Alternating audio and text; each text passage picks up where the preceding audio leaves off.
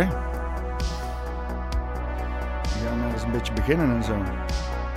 Hij mag bij mij wel wat zachter. Ja, ik, ik kan de koptelefoon niet apart eh, Oh, regelen. Dus dat, eh, dat is eh, een beetje gewoon. eh, ja, Ik ga piepend zo meteen op de Ja. fiets. eh. gewoon de, de, de oren beschermen. Nee, ja, ik.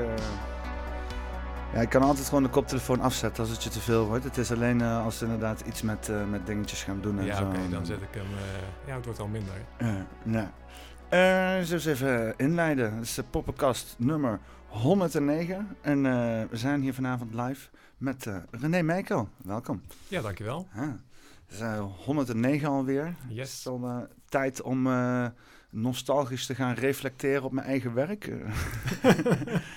Eh, ja, hoe- hoeveel afleveringen is het geleden dat je hier zat? Weet je nog welke dat was? Oeh, dan moet ik gaan gokken ergens in de 90 of 81. Ja, oh, dat valt nog wel mee. ja, het valt mee. Volgens mij, volgens mij nog veel eerder hoor. Ja, ik weet het ook niet meer. Ja, ik weet het ook niet meer. Maar toen hebben we toch wel een hele andere, toen hebben we toch wel hele andere dingen zitten doen, zeg maar. eh.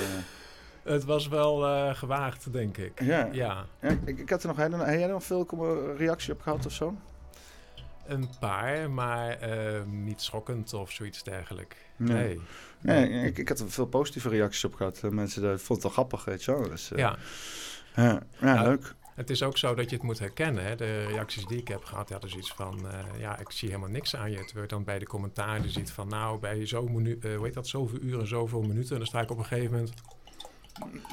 en, en je van binnen ga je dan keihard... en dan probeer je toch te formuleren wat je, wat je wilt. En iemand die dan weet wat er dan met je gebeurt... ja, die ligt in een deuk. Maar iemand die niet herkent wat er met je gebeurt... die heeft zoiets van, ja, ik zie niks. Waar, waar, waar, waar gebeurt Ja, het toch gebeurt er? inderdaad? Ja, er gebeurt- Nee, er gebeurt niks. Ik zal eens even, even kijken of ik hem... eh, met, hoe heet hij hoe heet hij nou? Poppenkast René eh Meiko. Vaak kan je ze niet eens gewoon zo vinden. Nou, jawel, hier. Eh 83 inderdaad. 83 ja. al. 83. Maar ja, dus voor de mensen die zich afvragen van waar hebben we dit over? We hebben, we hadden toen truffels gedaan. Ja. En er nog wat dan overgehouden, zo eh, een goede, goede vibe of zo? eh, goede... Hij duurde heel lang, die trip. Ja? Hè? De, de paddo's duren ongeveer vier uur bij mij. Maar die truffels, dat ging maar door, joh. En ik kwam thuis en eh, dan wil je in bed gaan liggen en slapen. En ik was nog steeds aan het zinderen, mijn lichaam. Dus eh, ja, dat, eh, ja, ik heb slecht geslapen toen ook. Oh. Maar eh, ja, dat was een hele lange trip. En stel dat je daar echt in zou gaan... Ja, dan weet ik niet wat er zou eh, gebeuren. Ja, je, kan, eh, je kan goed heel ver verdwijnen erin als je, het, als je er niet geduldig genoeg mee omgaat, zeg maar. Eh, als je niet meer, zeg maar... eh, maar op een gegeven moment dan denk je dat hij voorbij is. En dan, dan, Ja, dan, no, en way. dan denk, je, denk je dat je realiteit snapt. En in één keer komt er een kabouter voorbij gefietst of zo, weet je wel. Eh, Ja, het was, het was een hele lange trip. Ja, en dat jij ook nog een keer jointjes ging roken en dergelijke. Ik had echt zoiets van, hoe krijgt hij het voor elkaar? Ja, de jointjes draaien werd op een gegeven moment wel lastig, inderdaad. Dat weet ik nog wel. Ja. Nou ja, vandaag gaan we het over hele andere dingen hebben. En, eh, gewoon even een leuk gesprekje. Niet, niet zo lang als de vorige keer, want toen hebben we ook wat vijf uur zitten lullen, kerel. Bam. Eh, en ik heb, eh, ik heb, eh, ik heb mijn been, ik heb iets te heftig gedaan in het weekend. En mijn knie is, is net, zo, net zo als een Chinese ballon. Net zo opgeblazen als een Chinese ballon. Hoop dat hij niet neergeschoten gaat worden. Maar, ehm, maar dus, dus maar even kijken hoe lang ik dit allemaal volhoud. Maar tot nu toe gaat het goed. Hij staat stevig. Dus, je hebt, je hebt ik een... een krukje. ja, ja. voetkrukje Heel goed. ja. Ehm, ja, en eh, jij, jij stuurde mij een berichtje eh, ehm, van... heb je, ben, je, ben, ben wel eens bekend met Mectro?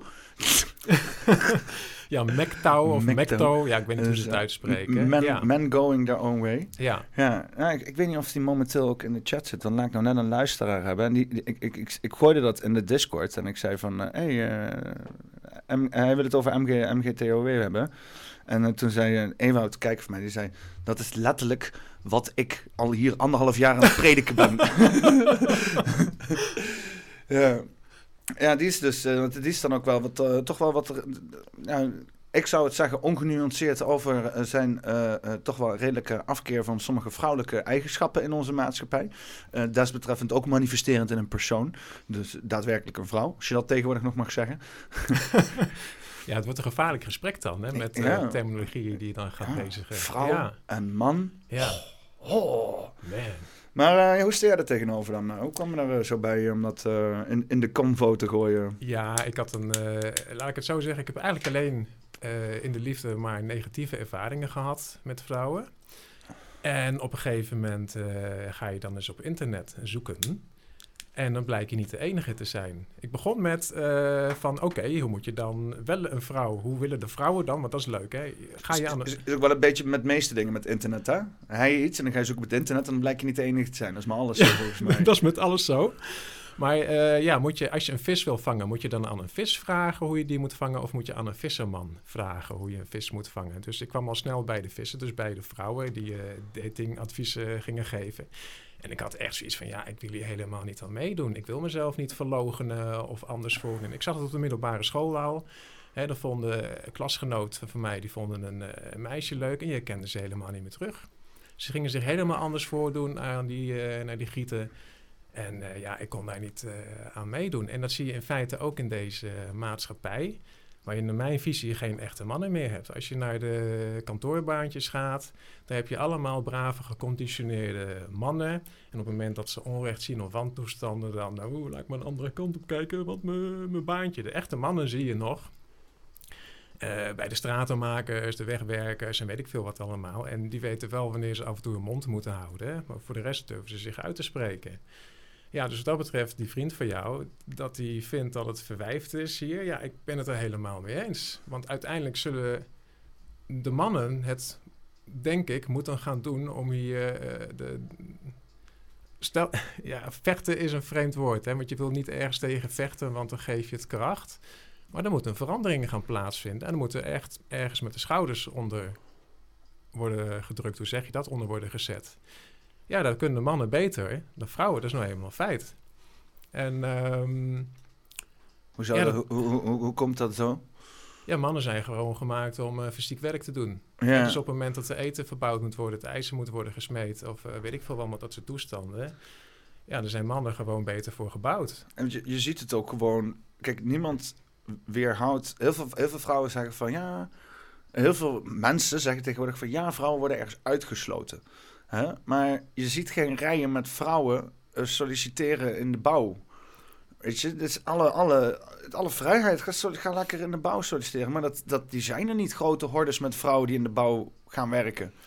Ja, al die zware beroepen, mijnwerkers, wegwerkers. Ik heb wel eens een vrouwelijke vuilnisvrouw gezien en ook een vrouwelijke automonteur.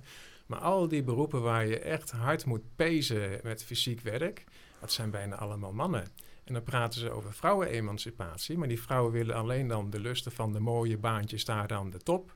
Maar die zware banen die de, die de mannen doen, ja, dat kan helemaal uh, gewoon niet. Daar zijn ze niet voor. Ik, ik, ben ook niet gemaakt om een kind op te voeden of zo. Eh. Ik, ik heb wel een ex. En nu ga ik praten over mijn ex, wat zeg maar uh, schijnbaar uh, de, de, ultieme zonde is in MGTOW.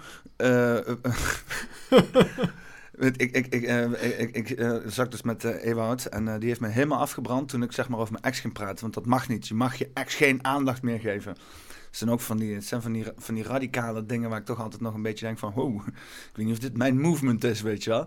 Maar ik heb bijvoorbeeld een ex die, die stond naast mij gewoon met, met, met, met de thuiszorgmiddelen rond...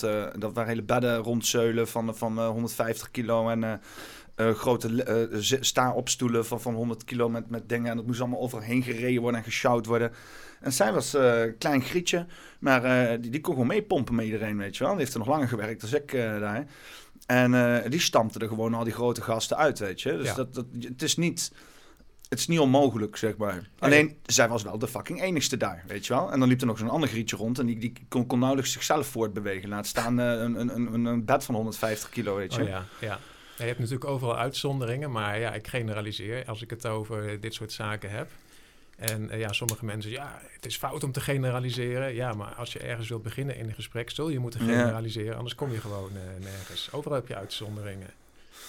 Ja, maar, ook, maar wat toch ook de grap is, want uh, dat zij ook gewoon een klein grietje was, weet je wel. Het was niet een of andere zieke keno met, uh, met, met te veel uh, steroïden spuiten in de reet of zo, weet je wel. Het was gewoon een, een, een, een klein grietje, nou wel, wel sterk en zo. En ze, ze deed paaldansen en shit, dus die ja. konden zelf in ieder geval goed optellen, laat ik het zo zeggen. Ja. Maar, maar die, die hield er ook wel van om te pezen, weet je. En die wou ook zichzelf dan bewijzen in die, in die hele mannenwereld, weet je wel. Dat, dat, dat is dan ook weer zo'n zo'n dingetje wat, je, wat je hebt. En dat zijn vaak die vrouwen die dus enorm veel aanstoot nemen hieraan, weet je wel. Dat is, dat is wel... Dat is altijd een beetje een weg die, die, die, die, die je moet bewandelen in mijn optiek. Want, die, want aan de ene kant met die vrouwen, hè, die vrouwen staan wij, zijn en zij. Want dat zijn de vrouwen die ook de schouders eronder kunnen zetten, weet je wel. Ja, en ze zijn er zeker, hè. En uh, klein wil niet zeggen dat je niet sterk bent, want een heleboel gewichtheffers die zijn qua postuur klein. Want als je lange armen hebt, dan is dat nadelig om iets te heffen. Want dan is je hefboom aan je schouders, ja, dan wordt het technisch verhaal, die wordt groter. Dus lange armen is bijvoorbeeld handig hè, voor mijn sport dan voor tennis bijvoorbeeld. Maar Mike Tyson, die was nogal uh, kort en klein, dus die kropen onder zijn lange tegenstander en dan was het uh, zo omhoog toe. Hij, had, uh, hij was beroemd zeg maar om eerst in de, in de zij en dan deed de lange tegenpartij die deed met de ellebogen de zij dekken en dan was daarna was het hoofd vrij en daarna kwam hij tegen het hoofd. In één lag je kin uh, op je ja, achterhoofd. En hij had een hele kleine armpjes, dus hij ging echt bovenop je staan en dat ging zo snel en met zoveel kracht. Ja, dat was gewoon uh, als lange logge vent, slome vent dan zeg maar, niet, niet tegen te boksen als hij eenmaal tegen je stond. Ik, ik, eh, ik, ik snap wel wat mensen zeggen, is dat er inderdaad uh, uh, maatschappelijk gezien, in grote vorm, gewoon een soort van vrouwelijke energie heerst. Die volgens mij destructief is aan, aan datgene wat we willen gaan bereiken met z'n allen. Hè?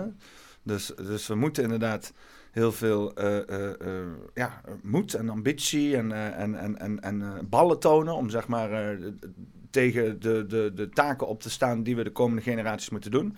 Maar vervolgens zitten we de hele samenleving te feminiseren. Hè? Dat, dat, dat werkt natuurlijk niet volgens mij. Ja, het is met opzet gedaan. Als je ziet dat in, uh, in de jaren 60 is zeg maar de flower power ontstaan en de vrije seks en de pil. Wat is dat, de geboortepil noemen ze dat, dat je niet zwanger wordt. Die kwam toen ook op de... Anticonceptie. Anticonceptiepil. Die kwam toen ook op de markt. En uh, ja, nu wordt het alweer een beetje een psychologisch uh, gesprek. Maar een man ja, misschien dat ik dan straks het even wat over chakra-psychologie kan hebben. Maar een man die kan dus seks hebben met een vrouw of een prostituee. Ik, generaliseer weer. Hè. Je hebt altijd, is dat iets uh, anders? Is een prostituee anders dan een vrouw? Is dat, uh... Ja, nou ja, en waar ik naartoe wil is... Hoer! Terwijl die thuis een vrouw heeft, maar die kan gewoon van zijn vrouw blijven houden. Maar een vrouw, op het moment dat hij iets van drie of vijf partners heeft gehad, ik weet niet waar precies de grens ligt, maar dit is gewoon een reguliere psychologie mainstream psychologie, die kan zich op een gegeven moment dan niet meer binden met een man. En bij een man is dat, is dat dus anders. Dus wat ze dus met die flower power en die vrije seks hebben gedaan, dus uh, die hebben de vrouwen de vrijheid gegeven. Nou ja, jongens, uh, rampetamte maar op los, daar word je uh, gelukkig van. En dan gaan we ook nog vrouwen-emancipatie geven. En hoe ja, vrouwenemancipatie. Maar ja, dus betekent al die zware banen, dat gaat niet voor alle vrouwen lukken. Dus dan gaan we bullshit jobs creëren. Kantoorbanen en een heel systeem met allemaal juridische en, en dit en dat. Dus dat allemaal mensen in een mantelpakje. Denk je dat dat opzettelijk in één beweging is gedaan? Het hoort allemaal bij elkaar. Het valt, die, die puzzelstukjes, naar mijn idee, valt het allemaal samen. Dus je ziet nu ook allemaal vrouwen en mannen op kantoor rondhuppelen en denken dat ze heel erg uh, belangrijk zijn. Maar je zag met de coronacrisis al, toen ging men een onderscheid maken tussen essentiële banen en niet-essentiële banen. En dan denk ik van, hallo, vallen nou niet bij, sommige mensen een kwartje van, hé, hey, ik heb misschien een niet-essentiële baan en ik kan nu in één keer ook thuiswerken achter mijn laptop. Wat ben ik eigenlijk aan het doen hier? Kan kunstmatige intelligentie dan mijn baan overnemen. Dan kan je vast een geheimje verklappen. Kunstmatige intelligentie kan bijna al die kantoorbaantjes overnemen. En uh, het, echte werk, dus het ijzersmeden, het brood bakken en uh, het uh, eten verbouwen, ja, dat wordt niet gedaan met die bullshit banen. En als je hier in Nederland kijkt, dus dat de boeren steeds meer verdwijnen en akker, tuin- en akkerbouw, hoe noemen we dat? Dat verdwijnt steeds meer. Ja, dus het komt allemaal uit ver Wegistan en het Verre Oosten, wat, waar het echte werk wordt, wordt gedaan. En hier zijn we met, met nepgeld een, een fake, hoe noem je dat, economie aan het hoog houden. En ze kunnen op ieder moment de stekker eruit trekken. En al die mensen die dan op met, uh, met een mooi pakje en een mantelpakje op kantoor rondlopen, die hebben dan in één keer niets meer. En dat heeft allemaal te maken met uh, uh, die bullshitbanen, vrouwen-emancipatie en onze zogenaamde welvaart. In plaats van als je teruggaat, zeg maar, zoals het bedoeld is. Hè, als je kijkt, om naar die vorige beschaving te gaan, hoeveel boerderijen er door Nederland heen stonden. En waar allemaal woonboerderijen van zijn gemaakt. Of die boerderijen zijn afgebroken en dan wordt dat land te koop aangeboden. En dan mag je daar een landhuis gaan bouwen. Volgens de natuurschoonwet en dergelijke. Alleen de hele rijken kunnen dan zo'n stuk land kopen en daar een huis op laten bouwen, een landhuis. En dan met de natuurschoonwet kunnen ze er allemaal aftrekposten regelen. Terwijl het klootjesvolk wat er net onder zit, moet zich helemaal blauw betalen aan, uh, aan belasting. Ja, dus eh, ik ben een beetje aan het raaskalken, maar het is een heel kaartenhuis wat zo ontworpen is. En dat stort zo meteen in elkaar. Dus je ziet ook dat je als ik maar naar de Verenigde Staten ga kijken, daar is het uh, ontstaan. Ja, daar heb je, ik weet niet hoeveel alleenstaande moeders. En, um, ja, maar ze, ze, ze, hebben nu, want iedereen zit te wachten. Ik, ik zit ook al heel lang te wachten dat het hele kaarthuis in elkaar stort. Maar uh, waar het op lijkt is dat uh, er een, een, een, omstandigheid wordt gecreëerd waarin ze gewoon in één keer de hele boel kunnen omgooien. En dan, dan hoeft er helemaal niks meer. dan, dan, dan zijn we er. Dan hebben we het einddoel bereikt. Dan is die die ultimate Illuminati-pyramide met totale controle, die is uitgerold. Dan zeg maar de eerste stappen richting totale werelddominatie. Hè, als ze straks uh, moeten werken met een CBDC. Eh, en al het land uh, is grotendeels in de handen van corporaties. En uh, uh, onze, onze voedselstroom en toevoer is uh, allemaal in het hand van grote conglomeraten. Wat, we zijn er al bijna. Maar dat is, ja, we zijn er eigenlijk we, al. We zijn er al. Wie maar, zit het? Weet je, maar, maar er, ja. zijn nog... Ik bedoel, die CBDC is de laatste, is de laatste weet je, ons geld nu. Dat we ja. nu met cash kunnen betalen, is ons laatste beetje vrijheid. Hè? Dat ik gewoon met jouw handel kan bedrijven zonder dat iemand daar iets vanaf wil weten. Als we dat gewoon een beetje cash doen. Dat is onze laatste vrijheid die we nog hebben. En die, die verliezen wij straks. En het enige wat we hebben is een, een stelletje zeikende idioten over wat voor voornaamzetsels ze willen gebruiken. Uh, en ondertussen wordt, wordt, wordt onze, ja, onze laatste vrijheid wordt gewoon zomaar wordt gewoon opgegeven. En dat is, dat is, het is ideaal voor die mensen die die, die, die, wat is het, een koep, een soort van wereldwijde koep op de bevolking. Ja, het is heel genip. Ik heb het eigenlijk meer over bestaansrecht dan over uh, uh, geld verdienen en, en vrijheid. Want vanaf je geboorte heb je eigenlijk geen bestaansrecht hier in de westerse maatschappij. Want bij je geboorte heb je geen stuk grond om op te leven. Je bent verplicht mee te doen aan een systeem waar je niet om hebt gevraagd, middels leerplicht bijvoorbeeld. En je krijgt dan je, je SOFI-nummer en weet ik, je slavennummer en dergelijke. En, maar je kan dus niet in een uh, groep autonomen in je basisbehoeften voorzien. Je bent verplicht aan, uh, aan, aan de bullshit mee te doen. En ja, wij zien, de wappies zeg maar, zien dat dat niet stand kan houden. En we gaan steeds verder die fuik in. Inderdaad, ik ben met je eens. Op een gegeven denk ik... Ik dacht vroeger van, nou, het zal een geleidelijk proces zijn. Maar nu denk ik ook inderdaad, oké, ze houden nu kunstmatig hier in het Westen de economie omhoog. En uh, in het Verwegistan wordt dan voor ons geproduceerd, of het nou voedsel is, kleding, uh, uh, microfoons, geef het allemaal maar een naam. Dat komt grotendeels daar vandaan. We kunnen in ieder geval niet meer zelf daarin voorzien. Ja, en in één keer wordt zo meteen de stekker eruit getrokken. Zo, uh, zo zie ik het eigenlijk. En hoe ze dat precies gaan doen. Ja, maar dan staan ze klaar met een oplossing natuurlijk. Hè? Dat snap je zelf ook wel. Ja, dus die, Zijn, die staan er met een mooie glimmende schaal met lampen erop, met roos. En zeggen ze, kijk, kijk, wij zijn de redding. Wij ja, hebben... Central Bank, digital currency, kom maar. Ja. ja. en de eerste maand kun je er nog alles mee. En de maand erop, ja, u mag uh, dit niet meer, want u bent, u, uh, hoe heet dat, limiet overschreden. Oh, oh, oh, dus ik mag dat niet meer. Oh. Ja, dan krijg je straks uh, white privilege tax en zo, weet je wel. Ja, ja ik, ik vind het echt waanzin, joh. Ja, ja, ja, het is... Uh, maar ja, het, het, het, het, zit hem, het zit hem natuurlijk... Uh, dus oké. Hè? dat is misschien dan een heel groot plan. Hè? Wat is inderdaad al... Want ik bedoel, je hebt, je hebt er letterlijk een kaartenspel van. Hè? Waar dit dan ook in zit. En je hebt inderdaad zo'n...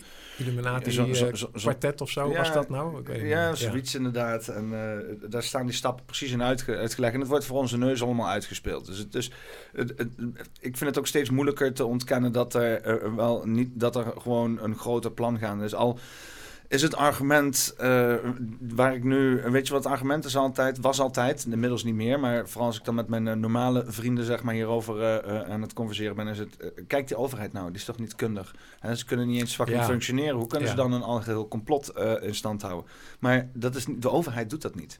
De overheid valt ook ten slachtoffer aan die krachten die dat aan het doen zijn, weet je wel. Dat zijn uh, al, die, al, die, al die figuren die wij zien elke keer oppoppen op globaal niveau.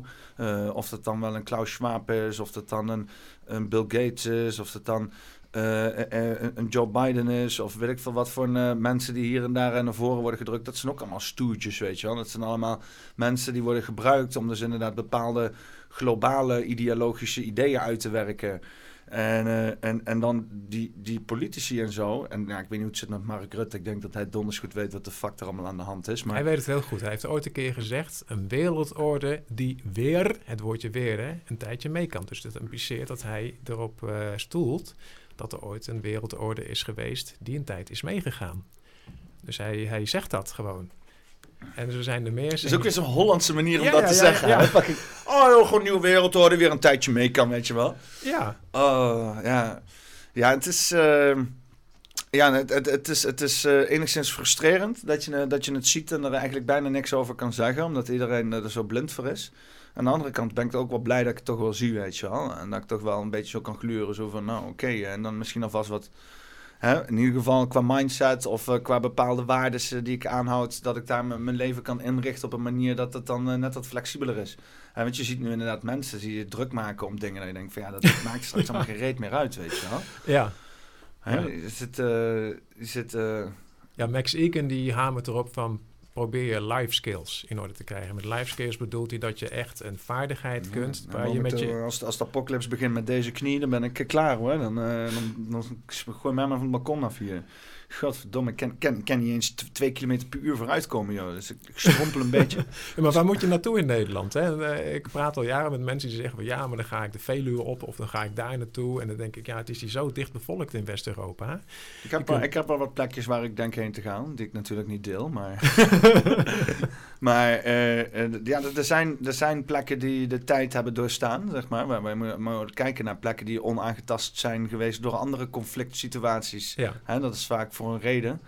Vaak omdat plekken zo oninteressant zijn. Het beste is om op de meest oninteressante plek te zitten die je kan zitten, weet je wel. Niet strategisch, geen grondstoffen, hè, alleen misschien een beetje wildernis en zo en wat dieren en dan, eh, dan zit je goed. Ja, maar ja, dan laat je het uh, gevecht zich uitspelen. En naar mijn idee ben ik hier gekomen om uh, zeg maar de klok te luiden, om de mensen te vertellen ja, dit is er aan de hand. En uh, als ze dit wel of niet doen, dan, dan zus of dan zo. Dus... Wat zouden we wel moeten doen?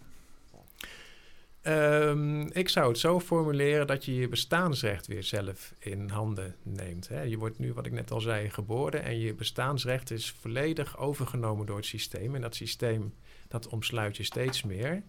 En je mag steeds minder. En het wordt verkocht als zijnde van gemak of goed voor het milieu of het is gezond voor je. En ze hebben allemaal mooie smoesjes. Maar ondertussen zie je met mooi weer, uh, daar had ik het laatst met iemand over op de sportclub. Ja, toen hij in de geitenkampen met mooi weer rondliep, dan zag je op die velden allemaal kinderen spelen. En nu zie je niemand op die veldjes, die gasveldjes, met mooi weer. Terwijl de kinderen wel vrij zijn van school. Dus wat, wat zijn ze aan het doen dan, die kinderen? TikToks aan het maken. Ja, dus die zijn heel handig uh, met die mobieltjes en computers. Maar is dat nou een, een life skill, zodat je straks uh, leert hoe je tomaten moet verbouwen en hoe je kleding moet, uh, moet maken. Hè? Dus je, je basisbehoeften moet je altijd zelf de macht over hebben. Zo zie ik het. Op het moment dat... Je, je, je, ziet wel bewegingen, maar het zijn vaak alleen maar een beetje nieuwsberichten volgens mij om mensen gerust te stellen. Maar je ziet wel wat bewegingen van ouders die inderdaad en scholen die de, de telefoons daar wegpakken. Maar ja, zodra je dan die kinderen die telefoon weer geeft, dan, ja. dan zijn ze... Maar ja, wij zijn er natuurlijk niet alleen kinderen, alle volwassenen zijn er ook schuldig aan. Hè? Zolang volwassenen die dingen gebruiken, dan zullen de kinderen dat ook gewoon allemaal doen.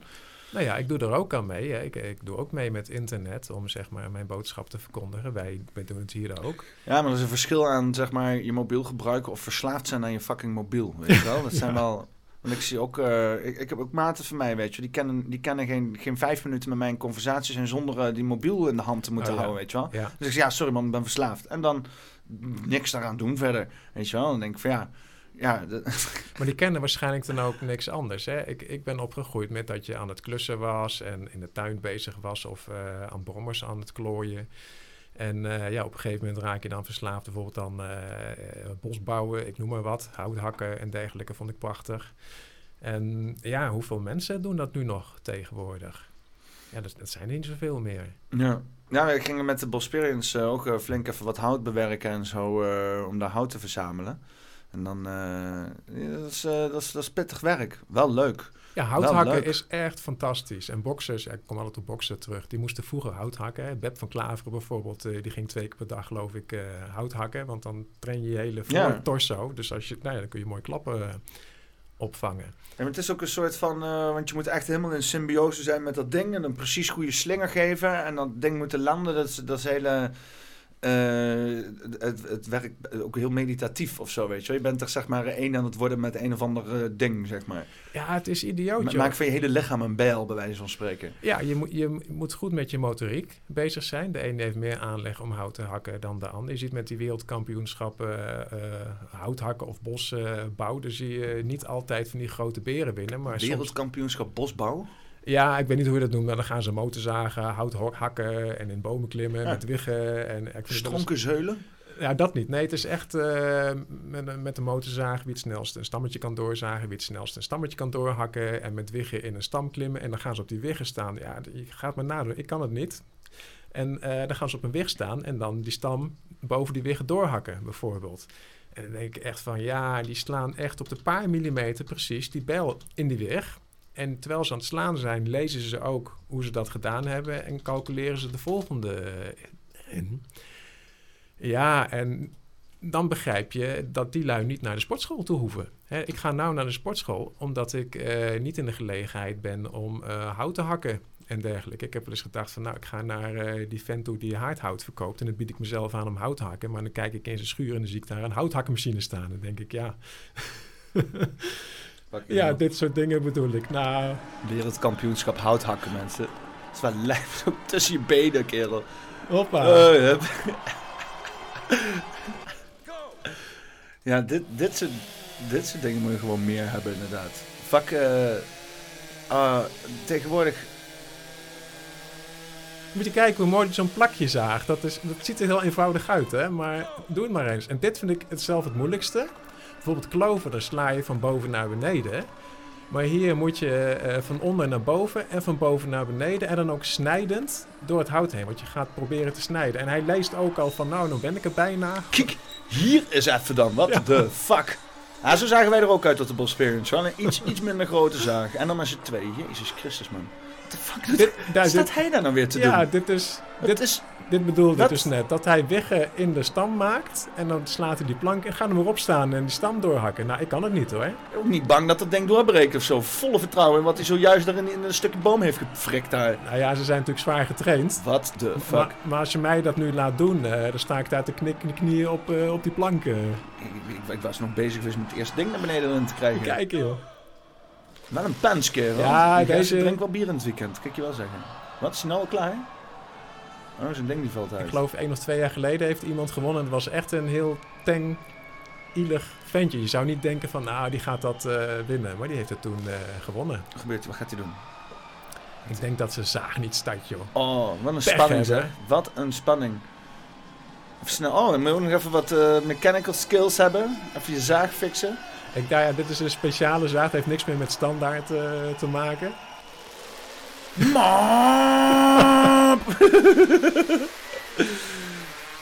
What the fuck? Het is ook echt niet die motorkerel. Er zijn brommers met minder, minder pk dan die zaag waarschijnlijk. Oh, Ja. wat een gek zeg. Ja, dit is... eh, heb je uh, Avastars gezien? Avastars? Avastars. Afwas? Zo'n beetje het tegenovergestelde van dit wat betreft entertainment. Ehm, ja, dit is zeg maar de, de, het- een van de... Dit is echt... eh, Ik heb het dus niet gezien, dit. Is dat duidelijk? Is het echt of is het... Die in Oh, nee. van twee samen in een zingende en dansende avatar veranderen, klinkt eigenlijk wel als iets dat kinderen graag zouden willen kijken. Maar nee hoor, Nee, eh, nee, dat ken ik niet. Nee, maar ik heb het wel. Soms zie ik het op de zijkant van bushokjes zie ik het staan. Nee. Best zeker En van ze zijn niet de enige die niet gekeken hebben. Avastars, een van de duurste programma's van SBS, trok gisteravond maar 213.000 kijkers. Klinkt Oké, dus wat we hier hebben is een televisieprogramma waar eh, eh, stelletje dansers en zingers samenkomen en dan een of andere virtuele pop aan gaan sturen.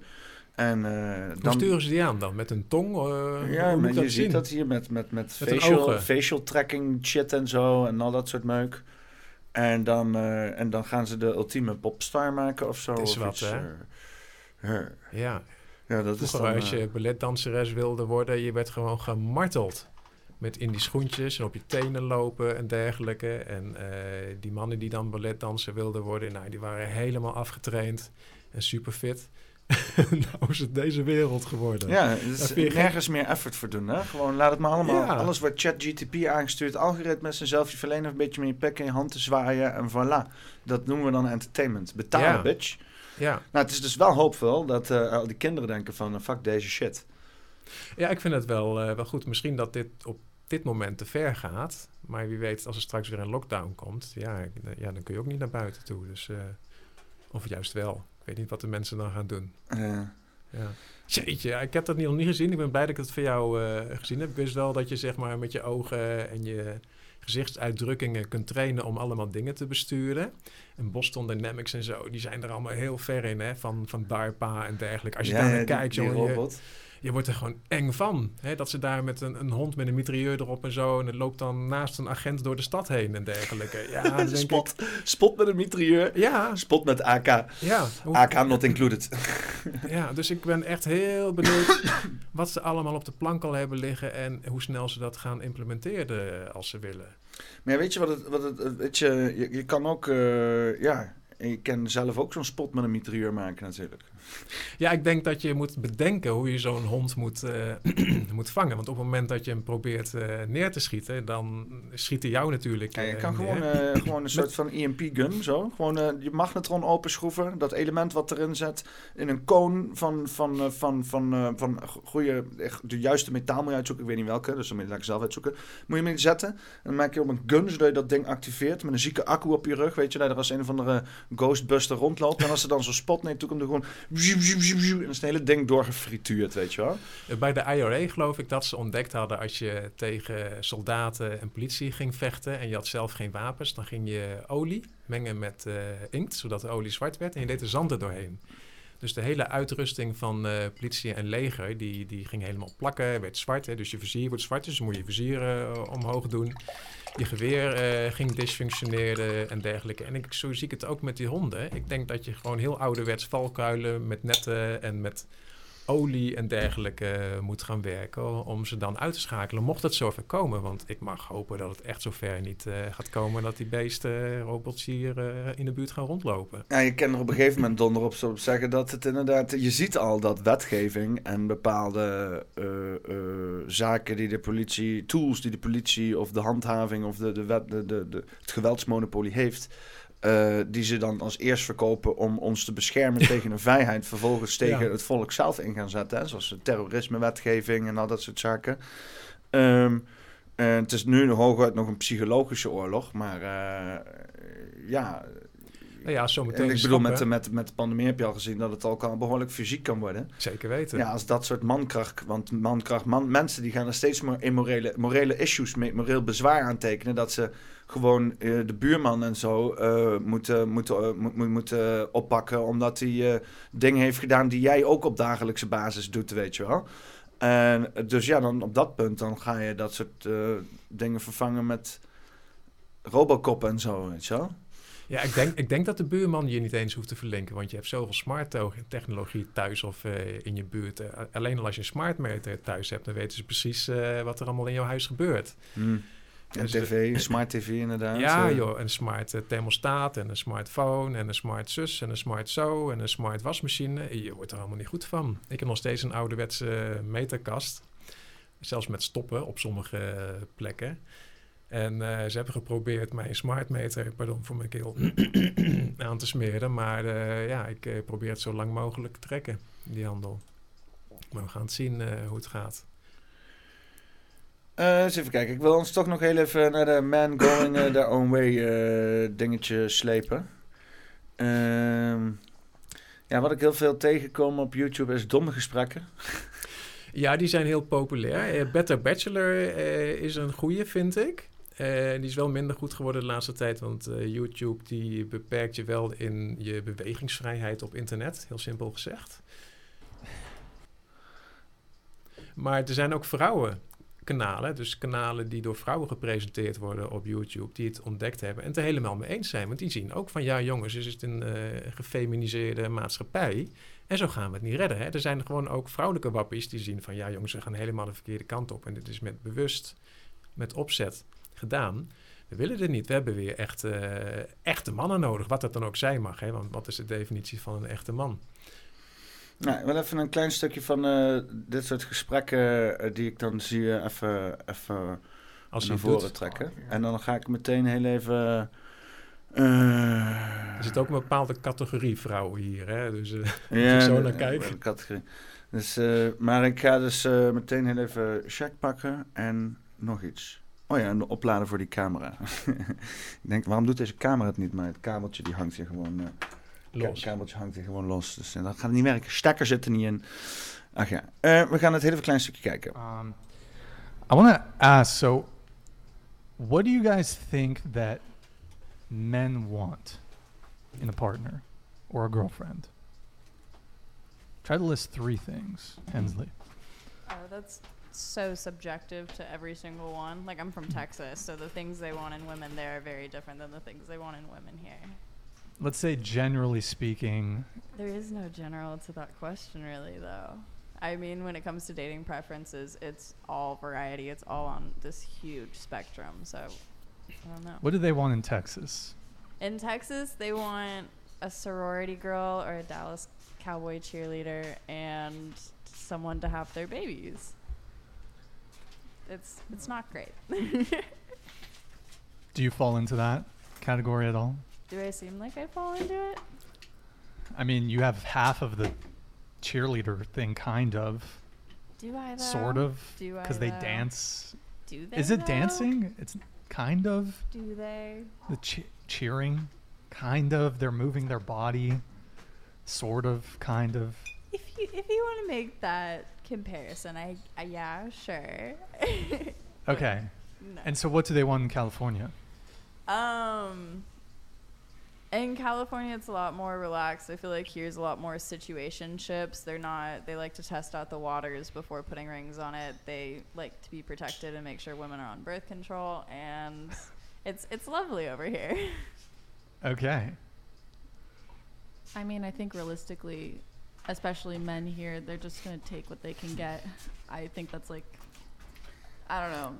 Guys when you say men like low standards. men here men in california or just men Men in this area spe- specifically, like in Los Angeles, Mm-hmm. and even where I'm from in like NorCal. But um, ja, e- ernstig, ernstige dingen dit, weet je wel. Dit soort domme gesprekken. Eh, eh, hij heeft er echt heel veel gedaan, heeft whatever. En dan heeft hij elke keer weer allerlei mensen zitten en bla bla bla bla. Allemaal vrouwen altijd. En dan, maar er- er- er- waar hij het ook heel vaak he- over heeft, eh, over praat over body count. Weet je wel? Body count. Dat is nu ook een beetje het, het, het gesprek die er rondgaat van wat is nou een redelijke body count om te hebben. En, en eh, denk je dat, dat, dat het aantrekkelijk is voor mannen als jij een eh, hoge body count hebt gehad. Oftewel gewoon met veel mannen seks hebt gehad, weet je. Eh, want dat is natuurlijk die hele Andrew Tate gebeuren. Ben je bekend met Andrew Tate? Ja, ja. Die, die heeft dus die uitspraak gedaan van... kijk, als, er een vrouw, als je een vrouw hebt die met heel veel mannen seks heeft gehad... dat is gewoon niet aantrekkelijk. Hè? Dus wat je ook ziet nu, dus, dus heel veel vrouwen die daar gewoon niet eerlijk over zijn... die zal waarschijnlijk van alle tijden zijn. Maar je ziet dat dus allemaal een beetje exposed wordt op het internet. Van eh, bijvoorbeeld een, vandaag ook zo'n filmpje van zo'n dame... en die had dan... die verzwijgt dan voor zijn uh, fiancé, voor zijn, uh, hoe noem je dat nou? Uh, Vriend, verloof, verloofde Ja. inderdaad Oh. met hoeveel uh, mannen die uh, uh, met hoeveel mannen ze heeft geslapen. dat doet ze dan op camera daarvoor. Daarom denk ik ook vaak dat het niet, niet echt is misschien hoor. Soms heb ik ook zoiets van, ik weet niet of dit voor opgehyped eh, shit is. Want het wordt wel heel erg... eh, ook die, die, die public outrage rondom mannen en vrouwen. En ik heb ook wel af en toe het idee, dat wordt allemaal gestookt om tegen elkaar op te zetten, weet je wel. Maar ja, je ziet dus wel dat er gewoon een, een discrepantie is van, van, van, van een cultuurloosheid, wat, wat niet meer kan. Hè? En, en uiteindelijk heb je dus nu gewoon een situatie waarbij ja, gewoon inderdaad heel veel mannen zeggen van ik, ik, vind, ik vind deze vrouwen in deze wereld zijn allemaal, eh, dat is allemaal niks meer. Hè? En dat is toch een beetje in essentie die men going their own way beweging, toch? Eh, ja, naar, eh, naar mijn idee is de essentie van man going their own way dat een man niet meer de vrouw als prioriteit gaat stellen, maar zijn eigen leven. Dus als je je eigen leven op orde probeert te stellen, dan komt de vrouw vanzelf. Maar er zijn dus een heleboel mannen die eh, ongelukkig zijn en niet fit en eh, heel simpel gezegd een klote leven hebben. Dat is begrijpelijk in dit eh shit systeem. En die zo druk bezig zijn om aan de vrouw te komen, maar het lukt maar niet. Hè? Dus dan kom je op die dating sites terecht. En die dating sites hebben dan juist die leuke statistieken gegeven, waar we, waarvoor we eerst geen inzicht in hadden. En eh, zo is bijvoorbeeld bekend geworden dat, eh, hoe is het nou? 100% van de vrouwen kijkt eigenlijk alleen maar naar 20% van de mannen. Die andere 80%, die zien ze niet eens staan. Die is niet interessant. Die, eh, die valt niet binnen hun categorie om te kijken, hey, wil ik daar wat mee? En dat had je 100 jaar geleden niet. En hoe komt dat? Dat komt door eh, dat, dat vrouwen zo op een voetstuk zijn geplaatst, hè, door de vrouwenemancipatie, maar het komt ook door de social media. Dus op het moment dat een, een, een jonge vrouw op eh, Facebook, TikTok, eh, Instagram, weet ik veel wat, noem het allemaal maar zit. En eh, ze heeft een heleboel eh, volgers en een, allemaal mannen. En die zijn eh, continu haar complimentjes aan het geven. Dan denkt die vrouw, ja, ik ben de, de, de, de mooiste en de belangrijkste en de beste vrouw die je maar kunt voorstellen. Terwijl ze zich niet realiseren dat die mannen die haar allemaal een complimentje geven, die doen het ook bij duizend andere vrouwen. En ja, dan hopen die mannen, die dan zoveel complimentjes geven, dat er een keer een vrouw tussen zit die, die hapt. Heel simpel gezegd. En eh, ja, en, wat ik ook laatst ontdekte, en ik moest echt even met, met mijn oren flapperen, hoe zeg je dat? Met mijn ogen knipperen en me- aan mezelf achter mijn oren klapperen toen ik ontdekte wat OnlyFans was. Achter de oren krabben. Achter de oren krabben. Ja. Ja, en eh, ik moest echt even op internet zoeken. Wat is dat nou? Wat is het nou? Maar dat blijkt dus in de Verenigde Staten. Dus dat eh, vooral. Het is ook in, in, in het Verre Oosten en dergelijke. hè, Dat vrouwen zichzelf verkopen. Op, eh, is dat dan een OnlyFans kanaal? Eh, nou ja, whatever. Nou, OnlyFans is eh, een soort van die, die hele webcam girl Ja. gebeuren. Ja. En dan gemonetiseerd, zeg maar, in een soort van... dan kan je eigenlijk daar betalen en mensen abonnementen afsluiten en dat soort dingen. Je hebt zeg maar een vriendin op internet, koop je dan als het ware, dan kun je lid worden. En die vriendin heeft natuurlijk een heleboel mannen. En die vriendin, of zo'n zo'n surrogaatvriendin, waar je dan voor betaalt als man, die heeft dan ik weet niet hoeveel mannen als, eh, als volger die betalen. En die vrouwen kunnen ik weet niet hoeveel geld verdienen, gewoon door eh, een beetje sexy te gaan doen of eh, zelfs nog verder op zo'n webcam. En dus die vrouwen die denken dat ze ik weet niet wat zijn. En wat ze zich niet realiseren is dat dat nu voor altijd op het internet staat. En dat het nou voor een vrouw helemaal niet moeilijk is om met je kont te zwaaien op internet en dan mannen te lokken.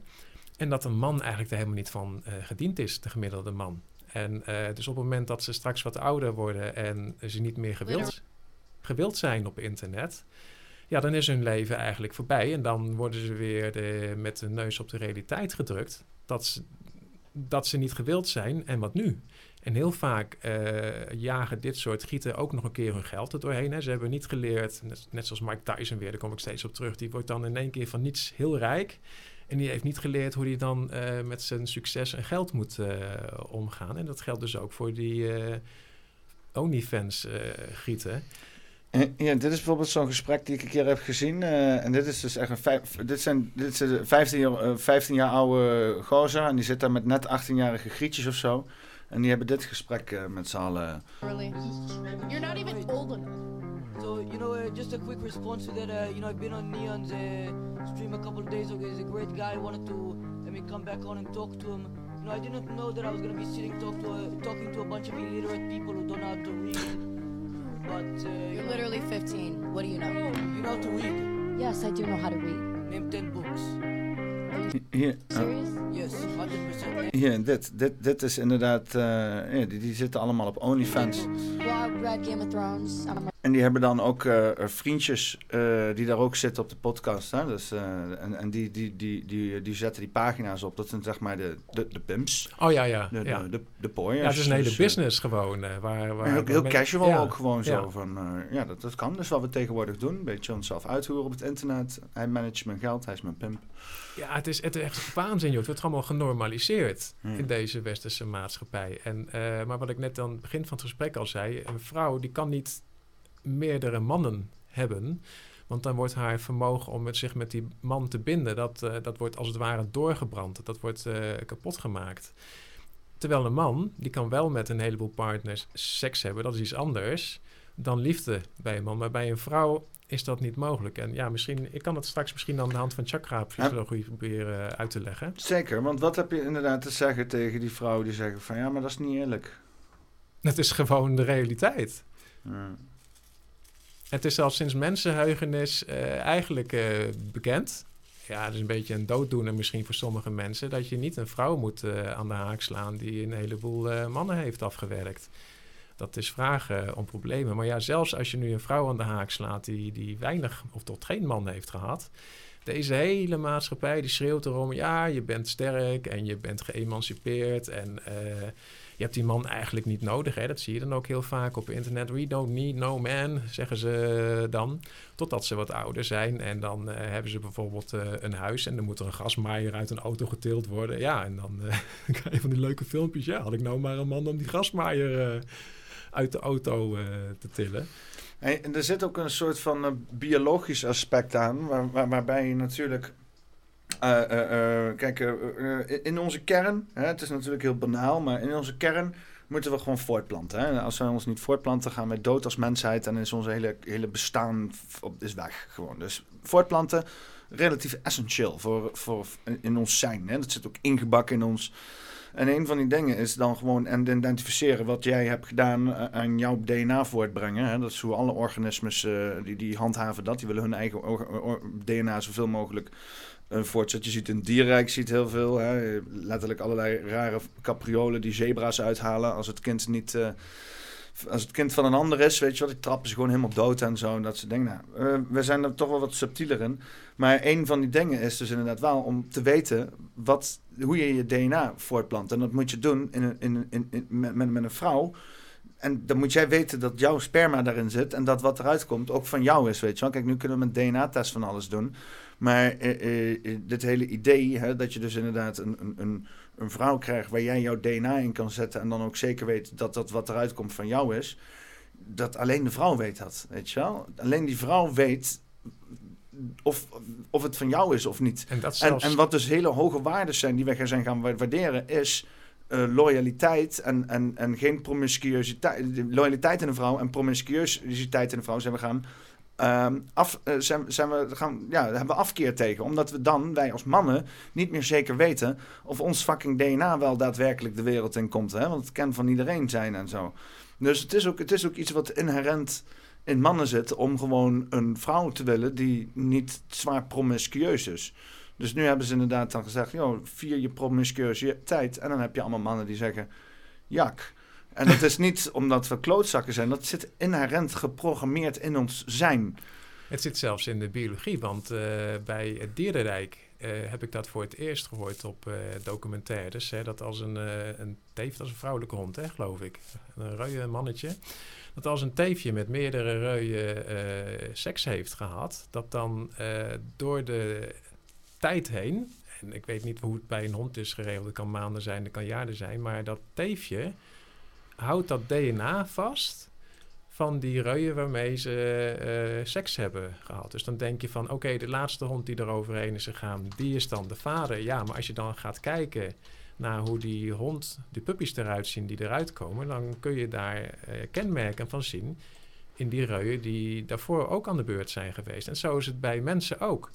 En dus hebben daar een naam voor in de biologie. Helaas weet ik die, die naam niet, die kan niet alles eh, onthouden. Maar als je dus als vrouw met meerdere mannen eh, eh, seks hebt gehad, onbeschermd, dus dat, dat DNA van die man in je terecht is gekomen, op een of andere manier hou je een deel van dat DNA vast. Dat betekent dus dat, de, stel dat je hebt met een heleboel mannen seks gehad en op een gegeven moment besluit je, ja, nu ben ik er klaar mee, ik ben 29, ik heb genoeg van mijn hoofdface, noemen ze dat dan in het Engels, hè, dus de, de hookerface. En eh nou eh, ben ik serieus geworden. Ik heb nou ontdekt dat het daar niet eh, om draait. En nou wil ik een provider aan de haak slaan. En nu wil ik trouwen en kinderen. Maar je hebt waarschijnlijk dus wel die genen van al die voorgangers in je zitten. Dus die, die man die met die vrouw kinderen krijgt, die is niet 100% de vader, genetisch gezien. En of dat nou 80% is, 90% of 75%, ik weet het niet. Ik, dus ik weet ook niet welk tijdsvak daarvoor geldt dat die genen bewaard worden.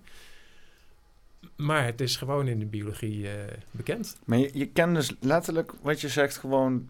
De, dus dus als, je, als, een- als een zaad al eerder van een andere man is ingekomen, dan, dan... Ja, de zaad gaat dus dood.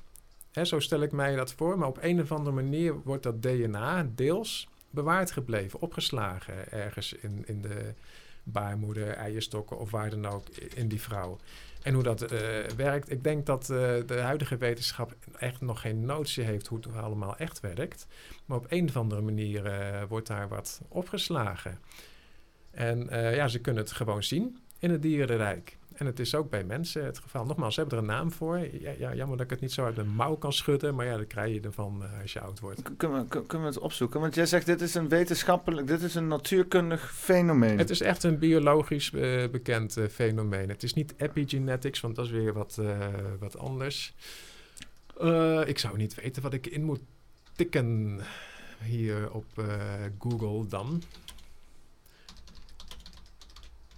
Ja, ik zou het eigenlijk ook niet weten. Ja, het, is, het is heel lastig dit. Misschien dat een van de kijkers op de, die, die het zo even uit de mouw kan, eh, kan schudden. Kalmer Kletsoor die zegt, wat een onzin. Was het maar zo. Ja. Ja, ja, ik had Ja. eh, ondertussen heb ik ook heel even een eh, stukje geopend. Vragen aan René. Dus als mensen jouw vragen willen stellen, kunnen ze daar gewoon, komt dat hier te staan. Momenteel heeft niemand nog een vraag. Maar die kunnen we straks ook heel even. v- vind je dat goed? Om Ja, ik vind het prima. eh, Ik weet niet of ik eh, antwoord kan en wil geven op vragen, maar ik kan het proberen. kan het proberen. Ja. Dus ja, dus mensen inderdaad die in de live chat zitten of zo. je kan onder het kopje vragen, daarboven vraag- en antwoord sessie. Kun je op klikken en dan, dan kan je daar een vraag stellen. Zal ik eens aan de hand van de chakra-psychologie proberen uit te leggen Ja. wat er met eh vrouwenemancipatie en het eh, vernietigen van de westerse maatschappij eh, aan de hand is? Oké, zeker. Even kijken, ik heb hier een heel oud boek bij me uit 1931 en dat is, ook die camera doet het nou? Of zal ik hem zo doen? Ik kan het ook zo doen. Ja. De chakra's. En als je ledbeater of leadbeater, ik weet niet hoe het uitspreekt, de chakra's, ook, je kan met CH intikken. Hm. En dan kun je dit plaatje tevoorschijn toveren. Ik kan het even ook zo laten zien. Even kijken hoor. Oh. Even kijken, ik weet niet wat ik nou zie. Nee, hè, je ziet het nou. Ja, ik kan hem wel even zo doen. Dan ziet je Oh ja. ook. Ja. dit plaatje. Ehm, nou ja, een mens is een multidimensioneel bewustzijn. En je kan het al illustreren door te zeggen: seks is niet hetzelfde als liefde. En moederliefde bijvoorbeeld voor een kind is niet hetzelfde als de liefde voor een man. Hè? Dus je had het net over dat eh, biologie wil dat we ons voortplanten. Ja, de moeder die wil dat eh, zeker als een kind heeft. Dus dat kind gaat voor de man. En dat is op zich eigenlijk ook wel, eh, wel logisch. Dus dan als een schip ten onder gaat, eh, vrouwen en kinderen eerst en daarna de man. Maar ja, nu met de vrouwen-emancipatie heb ik zoiets van, nou ja, pff, jij bent geëmancipeerd hè? ja. Anyway, ehm, als je als kind wordt geboren, even kijken, ja, ik, dan zou ik kijken, kun je het, ja, als je het plaatje kunt aantikken op eh, internet. Hoe kan ik hem, hoe heet hij? De chakras en het zenuwstelsel. Als je gewoon dit boek doet en dan de plaatjes en dan Deadbeater Chakras. En ik zie niet. Oh, ja, ja, ja, deze. ja. Ja? Pak, pak die maar gewoon.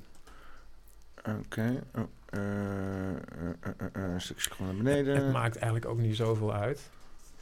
Oh.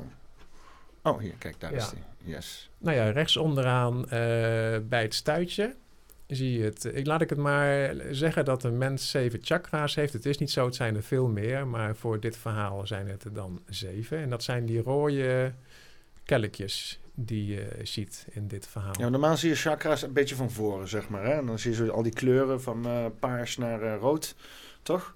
Ja, dat is wat eh, Alice Bailey, zeg maar, heel lang geleden in een boek heeft geschreven. Dat het aarde chakra of eerste chakra of moederharen, dat dat dan rood is. Maar ik heb dan begrepen dat dat helemaal niet waar is. En het hangt natuurlijk ook erg vanaf wie je tegenover je hebt. Want to see someone's true colors, dan heb je het in feite al over aura's en chakra's zien. En dat is niet bij iedereen hetzelfde. En dat is bij een psychopaat heel anders dan bij een hoogsensitief iemand. Dus als, eh, als je die kleurtjes van de regenboog mooi ziet op die chakra's, ja, dat is een, een plaatje, dat, dat klopt gewoon niet. Het is gewoon leuk. Het is gewoon leuk, maar het, eh, het, het klopt totaal niet. Oké. maar stel je wordt eh, geboren, misschien kun je weer wat eh, uitzoomen. Of naar beneden, ja, het maakt niet uit. Ja, zo is goed. Ik vind het zo goed. Je wordt eh, geboren en dan wil het kind natuurlijk om te overleven. Dan wil het te eten hebben en te drinken. Mhm. En beschermd worden tegen de weerselementen. En hebben ze experimenten gedaan met baby's. Heb ik ooit een keer van de fysiotherapeuten gehoord. Als je die baby's alle eten en drinken geeft en warmte die ze nodig hebben. In de zin van, zeg maar, met een dekentje warmte. En je doet ze in de wieg, maar je geeft ze verder geen menselijke warmte. Mhm. Dan gaan ze dood. Dus dat babytje heeft ook menselijke eh, warmte nodig, of tijd en zorg en aandacht, zoals mijn yoga-leraar dat, eh, dat zei. Nou, als dat aan die volwaarde is voldoen, dan kan jouw eerste chakra, ehm, ja, laat ik het zeggen, stabiel tot groei komen. Als dat stabiel is eh, geworden, dan, en dat babytje is wat groter, dan kan het de ruimte waarin het zich begeeft gaan verkennen. En dat is dus het tweede chakra, dat je in je ruimte gaat begeven. En op het moment dus dat je een ouder thuis hebt of een situatie waar je die ruimte niet gegund wordt. Hè, stel dat je hebt een narcistische ouder of een ouder die drugsverslaafd is. Dus je wordt heel erg als kind in je bewegingsvrijheid beperkt. Dan kan dat chakra zich niet goed ontwikkelen. Dan krijg je als het ware stress. En, het tweede chakra, eh bijnieruitputting, dat heeft dus met tweede eh, chakra te maken, bijvoorbeeld. Ehm, ja, dan krijg je dus een probleem. Ehm, en dan als dat chakra dan dicht gaat, die zich niet kan ontwikkelen, het gaat nooit 100% dicht, dat betekent dat die chakra's erboven eigenlijk de energie niet meer krijgen, want het begint onderaan, om eh, gevoed te worden. Nou, stel dat het tweede chakra wel de ruimte krijgt om zich te ontwikkelen, dan kom je bij het derde chakra. Dat is eh, het chakra wat eh, vorm en richting probeert te geven aan het leven. En wat probeert vorm en richting te geven? Dat is eigenlijk het ego. Het ego zegt, ik wil dit zijn of dat zijn. Eh nou hebben ze het heel geraffineerd gedaan hier in de westerse maatschappij. Een, een goed ego, een grote ego, is goed te conditioneren. Dus de grote ego's, die, die gaan naar school en die zijn goed te conditioneren. En die denken... Krijg, krijgen veel om, eh, om, om ego over te doen, zeg maar. Ja. Status, Ja. titeltjes, lintjes, Dat is de medailles. Ja. Hoedje, Ja. slingertje aan het hoedje. Nog Ja. een mooi touwtje over de schouder heen. Hutsakee. En nogmaals, als dat tweede chakra geen ruimte heeft gehad, hè, dus dan kan het derde chakra, dus het ego, zich niet eh, vrij eh, ontwikkelen. Dus dan krijg je bijvoorbeeld eh, anorexia En waarom dat meer vrouwen zijn dan mannen, dat zal ik zo eh, uitleggen. Dat is eigenlijk heel simpel. Nou, als we dat eh, ego hebben gehad, dan eh, gaan we naar het hartchakra.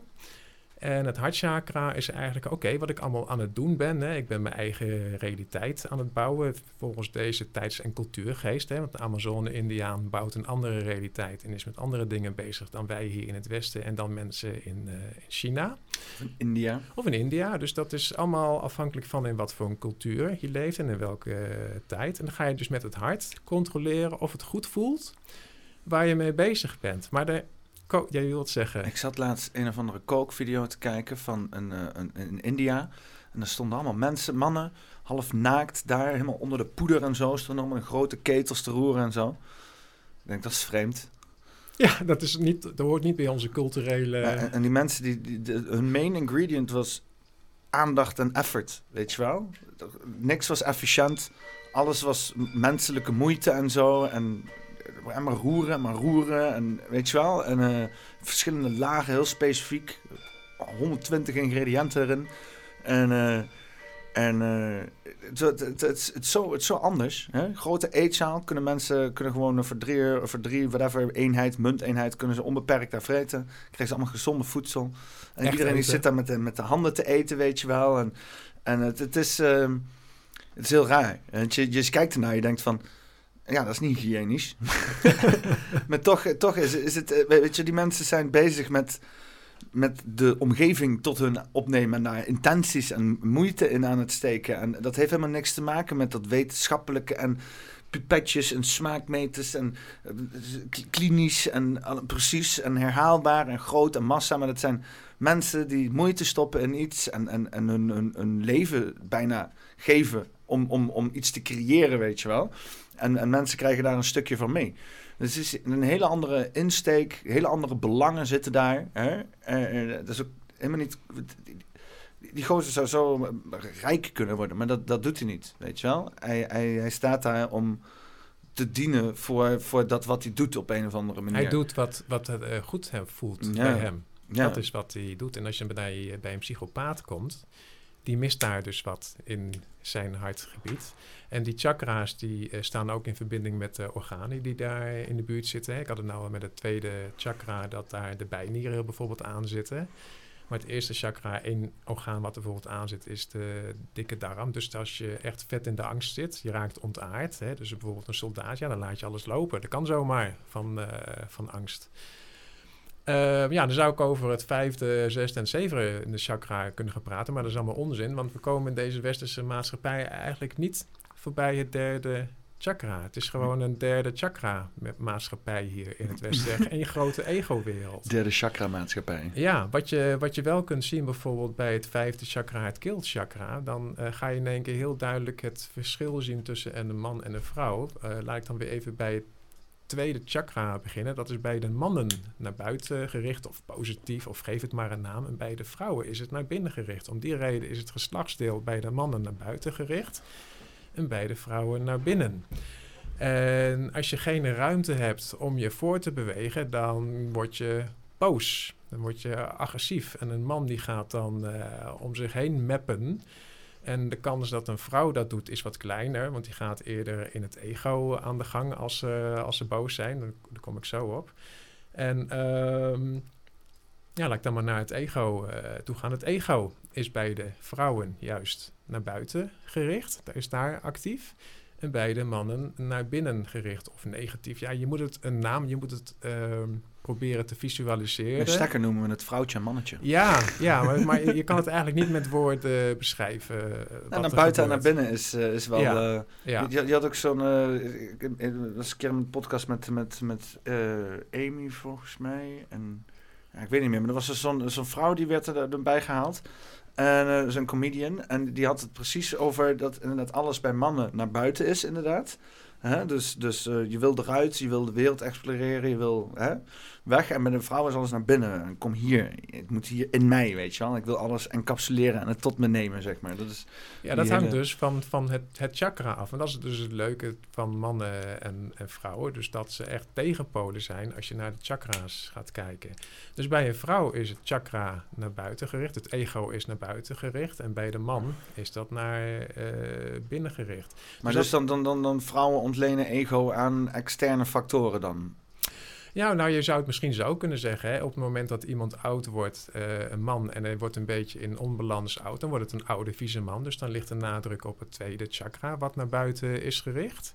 En bij een vrouw, als die oud wordt en het, het hartchakra functioneert niet eh, naar behoren, dan is het ego het hoogst liggende chakra wat naar buiten is gericht. En dan wordt het een oud heks. En zo kun je dus zien van, oké, eh, waar ligt eh, de, nadruk? Alleen als we dan weer naar het vierde chakra. Oh ja, dan moet ik nog van het derde chakra zeggen. Dus eh, dat chakra creëert de eigen werkelijkheid. Door, middels, door middel van conditionering en van dit wil ik. Maar stel dat dat niet gaat. Dat je eigen werkelijkheid niet kunt creëren, collectief of in je eentje. Wat rest je dan nog? Dan rest je vernietiging. Hè? Dus als, ik als jij zegt van nou, ik ben eh, de beste voetballer uit de wereld. En ik zeg, ach man, je kunt helemaal niet voetballen. Nou ja, wat, wat ga je dan doen? Ga je mij in elkaar slaan of ga je mij afzeiken? Het chakra, dat derde chakra, gaat dan over tot vernietiging. En eh, een vrouw gaat dan bijvoorbeeld eh, roddelen of je negeren of je gigantisch, je krijgt een gigantische stortvloed aan woorden over je heen. Ehm, dus dat zijn de twee tegenpolen van het derde chakra. Het vierde chakra, het hartchakra, is bij de mannen naar buiten gericht. En bij de vrouwen naar binnen. En dan kom je dus, eh, hoewel we gedomineerd worden door het derde chakra hier in de westerse maatschappij en de tweede trouwens. eh, op het moment dat een, een relatie uitgaat tussen een vrouw en een man, dat is, dan is in de psychologie bekend en ook met eh, statistieken met die dating sites en dergelijke, dat een vrouw eerder weer een relatie begint dan een man. En men is er niet helemaal over uit waarom dat nou zo is. Maar als je naar de chakra-psychologie kijkt, dan zie je dat eh, in een relatie de man zich eh, met een hart, met, met zijn hart deels overgeeft, vooral de gevoelige man, aan de, aan de vrouw. Terwijl de vrouw eigenlijk de liefde heeft gebaseerd op een ego-werkelijkheid. Dus stel dat je naar een datingsite gaat, dan zie je ook bij die, die eh, hoe noem je dat nou, eh, Tinder en dergelijke, allemaal lijstjes van voorwaarden waar de ideale man aan moet voldoen. Hm. Terwijl de man die, eh, die zegt van... Een gat graag. ja, dat zegt tweede, de tweede chakra zegt gewoon, oh, het moet gewoon een lekker wijf zijn en mooie ogen bijvoorbeeld. Hè. Het, het, vierde chakra, sorry, het hartchakra zegt dan mooie ogen. Dus dan kun je zeg maar de spiegel van de ziel, de sensitiviteit, daar kun je dan al in, eh, in aflezen. Maar de minder gevoelige man zegt gewoon, oh, moet gewoon een lekker wijf zijn. Dikke tetten. Een dikke tieten, lekkere kont en weet ik veel wat allemaal. En, en die vrouwen denken dan, goh, die mannen zijn simpel. En die zijn dan met hun lichaam bezig die mannen te manipuleren. Niet wetende dat er ook een categorie mannen is die heel sensitief is. En die inderdaad wel naar het uiterlijk kijken, net zoals de vrouwen dat doen. Maar waarbij het hartchakra toch echt wel dominant is. Dus op het moment dat eh, zeg maar een relatie uitgaat tussen wat eh, gevoeliger eh, mensen dan is dat zo'n trauma voor de man. Hè, want die voelt dat echt in het hartchakra, dat hij er heel veel moeite mee heeft om eh, een nieuwe relatie te beginnen. Want die moet dat eerst verwerken. En dat is voor de vrouw, sorry voor mijn keel, Een glas stuk- water daar staan, hè? een stuk makkelijker, ja dankjewel, dan de, dan de man. Eh, eens even kijken. Dan ga ik toch weer even naar het vijfde chakra toe, het keelchakra. Het keelchakra is bij de vrouwen naar buiten gericht. O- over keelchakra's gesproken. En bij de mannen eh, naar binnen. En daarom eh, hoor je vrouwen ook vaak. Daar gaat de energie, die gaat dan naar buiten toe. En als je dan aan een man vraagt, hoe gaat het? "Eh, goed, wat voel je? Ja, ik weet niet. En vaak voelen ze wel heel veel, maar ja, ze kunnen het niet eh, onder woorden brengen. En dan komen we bij het zesde chakra. Dan zeggen ze dat mensen denken met hun hersenen. Ik ben daar het zelf niet mee eens. De, de, energieën van de chakra's worden geprojecteerd daar in het zesde eh, chakra.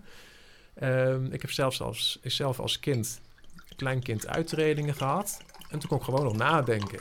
En dus je denkt niet na met je hersenen, maar je lichaam is meer een eh, communicatiemedium tussen deze fysieke wereld en de niet tastbare wereld, laat ik het even zo noemen. Maar die, het zesde chakra is dus bij de mannen naar buiten gericht. Dus de echte grote denkers, dat zijn vaker mannen dan vrouwen. Ik wil niet zeggen dat het een vrouw niet kan, maar die, eh, het is onnatuurlijker voor een vrouw om een grote denker te zijn. Wat ook leuk is, als we weer even naar het vijfde chakra gaan. Zou je dat je nou mannelijke homo's hebt en je neemt dan het vrouwtje. Nou, wat hoor je daar? Dan hoor je het, dat het vijfde chakra naar buiten is gericht. Hoor je... en eh, nou, gaan we nu naar de vrouwenemancipatie. Eh de Het is vrouwenemancipatie... wel, is, wel, is wel grappig dat je dat zegt, maar het is wel typisch dat je in homo, eh, homofiele relaties typisch dan nog een mannelijke en een vrouwelijke rol Ja. hebt, hè? Ja, maar het zijn, als je aura's kunt zien, dan zie je inderdaad dat die chakra's bepaalde richtingen hebben qua polariteit. Dus dat je wel een fysiek lichaam hebt wat een, een, een, een mannelijk lichaam of een vrouwelijk lichaam hebt, maar de, de energieën die erin zitten, die zijn daadwerkelijk anders. Dus eh, ja, dat is nou eenmaal zo. Dan kun je zeggen, dat is niet zo en je, je bent een homo en je moet veranderen. Nee, het gaat niet. Waarom ze zo geboren zijn, ik ben er zelf niet, eh, niet uit.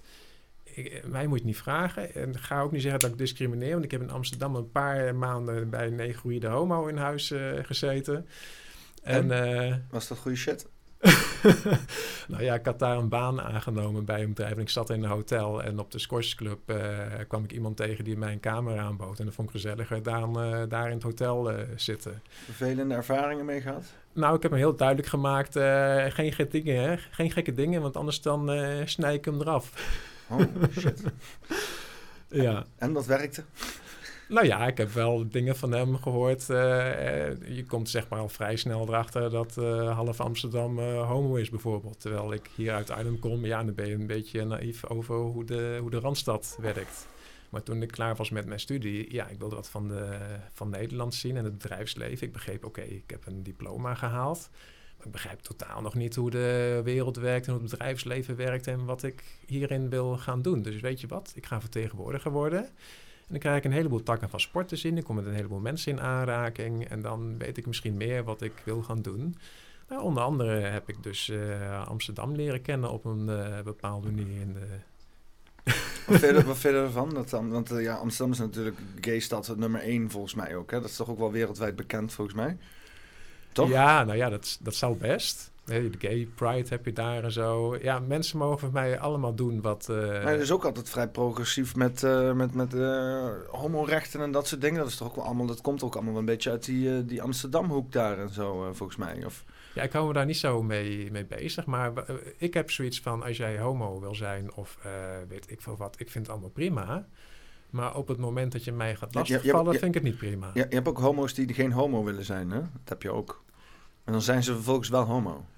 Je, dan dan gaan je- ze stiekem dan gaan ze tegen zichzelf liegen en dan gaan ze af en toe even kontje knallen. En dan hebben ze voor de rest een, eh, een, een relatie met een vrouw. Ja, dan hou je jezelf Een- voor de gek. Een baard hebben ze dan, zeggen Ja. ze dan. Ja, dat was vroeger veel, hè, dat er gewoon homo's met een vrouw trouwden. En op een gegeven moment stopten ze dan toch maar mee. eh. Maar Ja. je hebt ook, eh eh eh, er was een comedian die het ook eens een keer zei, die zei van, eh, homo zijn is, soms, eh, is ook het mannelijkste ding wat je kan doen. In plaats van, weet je wel, een andere man neuken. Dat is gewoon, weet je wel, dat is gewoon bruut, is dat, weet je wel. Dat is niet, het heeft niks te maken met, oh, mijn gevoelens en, en oh, een voorspel en zo. Nee, dat is gewoon keiharde eh rampenstamperij, kan ik me voorstellen of zo. Hè? Twee van die dikke harige nichten, weet je wel, die eh, v- vol met leer en zo net van de motor afkomen gestapt en daar ze flink elkaar gaan zitten bewerken. Nou- er is niks feminien aan, volgens mij, als ik dat... Nou, volgens mij willen een heleboel vrouwen... Probeer niet te veel een beeld in jullie hoofd te stoppen, hoor, maar... Volgens mij willen een heleboel vrouwen ook zo behandeld worden. ja, Dus, dat eh, moet ik ja. eerlijk zeggen wel, ja. Dat is, dat, dat is wel... eh, De, Ja. de, de, de vulva is een stevig object, laten we het zo zeggen. Ja, het is... Het is eh, ik weet nog dat ik in de jaren negentig voor het eerst op porn sites ging kijken. En dan ben je zo'n naïef jongetje wat in een gerucht is opgegroeid, hè. En ik had echt zoiets van... Mijn god, zeg, houden mensen zich hiermee bezig? Ja, maar volgens mij is porno corrupt als fuck, jongen. Volgens mij, ik heb nog nooit, nooit in een relatie gehad dat dat dan was hoe, we seks wouden hebben, zeg maar. Zo, ik, had, ah, ik, heb, ik heb wel eens op, op, ik heb al zulke soort seks gehad, maar dat was dan niet in goede relaties, laten we het zo zeggen. Dat is, dat is, dat is fucked up seks met gekke mensen, zeg maar. Ja, ik denk dat iedereen, ik ben ook, iedereen is fucked up in deze westerse maatschappij. We zijn allemaal, dat ego hebben we allemaal eh, over ons heen gehad, zeg maar, dat je naar school moet en je moet je conformeren en, en dit keurslijf moet je aantrekken. En op een gegeven moment zijn er dan wappies die zeggen, ja, maar jongens, dit is het helemaal niet. Of of je dat nou als jong kind al bent of op oudere leeftijd. En dan ga je dus proberen te ontdekken wie je, wie je zelf bent en hoe het zelf allemaal voelt en dergelijke. Dus dat is het hartchakra. Maar we zijn hier zo ver van God los en de natuur en zoals het naar mijn idee had gemoeten hier eh, op aarde. Dus ja, ook seks hoort daarbij dat het gewoon helemaal uit zijn verband is getrokken. En ja, als je dan gaat kijken naar de chakra-psychologie, dat zeg maar de gevoelige mensen waarbij het hartchakra dominant is, ja, die hebben een heel andere relatie. Dan is het gevoel dat het goed voelt belangrijk. Terwijl bijvoorbeeld eh, eh, laagsensitieve zielen, daar is het tweede chakra het dominante eh, chakra, zowel bij de vrouwen als de mannen. Dan heb je bij de mannen, hè, die zijn dan bezig met dingen vergaren. Dus die zeggen, kijk eens wat ik heb. Een grote auto, veel geld. Eh, spierballen. En vrouwen zijn ook bezig eh, met eh, te promoten wat ze allemaal hebben. En dan heb je die golddiggers die naar een man op zoek En zijn. die zie je ook veel, veel filmpjes online van, van die mannen die dan zo'n dikke auto hebben. En die, die, die, die, die, eerst associëren ze zich niet met die auto. En dan gaan ze een vrouw aanspreken. En dan zegt die vrouw, ga weg. En dan stappen ze in die dikke auto. En dan die vrouwen die komen. En ik moet nog steeds, ik weet nog steeds niet of het wel of niet echt is. Weet je, want ik vertrouw helemaal geen fuck wat er op het internet gebeurt. Maar eh, het is wel, het, het, het, is, weet je wel, je, wordt, eh, je, kijkt ernaar en denkt, godverdomme. Weet je wel fucking hoeren, weet je wel. Je wordt er als man worden, alleen maar, denk je alleen maar, je wordt er ook moedeloos van, hè, dat je denkt van ja, hè, dat is de enige manier hoe je dan eh, überhaupt eh, een beetje aandacht kan krijgen, is als je in een fucking supercar eh, rijdt, weet je wel. En Ja. anders moet je jezelf gaan schamen of zo. Ja, dat is zeg maar voor de mensen waarbij het tweede chakra het, dominante chakra is, zowel bij de mannen als de vrouwen. Maar de, hè, mijn eerste psychiater die zei van al die mensen die met die grote auto bezig zijn en zo, ik ben psychiater, ik hou me daar niet bezig. Ik ben een van de 1500, hij was dan zenuwarts. Hij leefde in de ego-wereld. Dus het eh, tweede chakra zegt, kijk eens wat ik heb. Dus je bent allemaal eh, tastbare dingen bezig. Maar het eh, derde chakra, dan ben je wat verder in de ontwikkeling. Die is met minder tastbare dingen bezig. Is ook een beetje cultuurafhankelijk. Die zegt van, kijk eens wie ik ben. Dus dan ben je psychiater of je bent een succesvol zakenman. En, of je bent, ik heb een leraar Frans gehad. En die vertelde vroeger het verschil tussen een clochard en een vagabond. Een En wat? Een clochard. Wat, wat zeg je nou? Een clochard. Vagabond. Een vagabond, ja. Dus Vagebond? vagabond. Vagebond. Zit hier een beetje, een beetje haute cuisine, eh, haute cultuur, Franse, En, Fra francofielen hier eh, in de house en zo.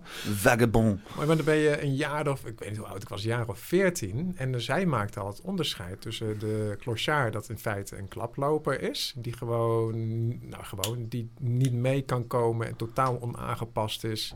En, en zich probeert te redden, maar het, het eigenlijk niet voor elkaar kan krijgen. Maar daarentegen heb je de vagabond. Die heeft gewoon gezegd, jongens, ik doe niet mee met deze waanzin in de wereld. Is dat officieel iets dat je het zo uitspreekt? Of is dat gewoon om het leuker te laten in het, eh, in het Frans. Ik zei de leraar Frans, dus ik kan zeggen vagebond.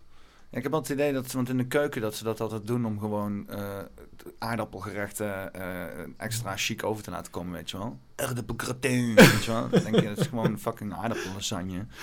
Maar, sorry, vagabond. Ja, volgens mij is het een Frans woord. Tenminste, de leraar Frans die, die, eh, deed me dat eh voorschrijven. Ah, maar hij maakte dus al het onderscheid tussen het tweede chakra eigenlijk en het, en het derde chakra. Want die, die clochard was dus totaal mislukt in het tweede en in het derde eh, chakra. Je hebt dan die, van die mooie filmpjes inderdaad die je aan het zoeken bent. En als je dan in het vierde chakra leeft, dan ben je niet meer bezig van kijk eens wie ik ben. En kijk eens wat ik heb bereikt. En kijk eens welke titels ik allemaal heb. En kijk eens welke auto ik heb. Dan ben je bezig met je leven dat het goed voelt. En dan zie je dus mensen die proberen in deze waanzin hier in het Westen. Oh, die broek alleen al die ze aan heeft. Die proberen dan een plekje te vinden dat ze in een community of zoiets voor elkaar kunnen krijgen. Zullen we even, even Ik, ik wil ook zo'n broekje hebben. Wil je ook Ook niet zo'n- broekje? Zou dit echt zijn of zou dit gespeeld zijn? als Ik je denk, zo ik, rondloopt? ik, ik geloof het allemaal niet meer. Left maar- my wallet at home. Oh, so stupid. bummer, huh? Yeah. Would it be terrible to ask you? I mean, if I Venmo you in like 30 minutes when I get home, or PayPal you, or whatever, would you be? Is it possible? I just, it's not for me. My mom wants to cook. Sorry, I No. don't think I can spare anything. I know it's a weird question. I Um, apologize.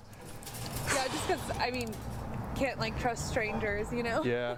Do I do I not seem like a trustworthy guy? I mean, no guys seem really trustworthy. Yeah. Okay. What about this way? Um, if you spared whatever it's going to cost, 10, 20 bucks, uh, I'll take us on a date later and I'll spend 100 bucks.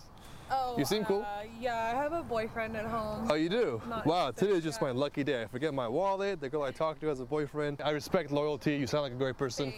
Uh, you be safe.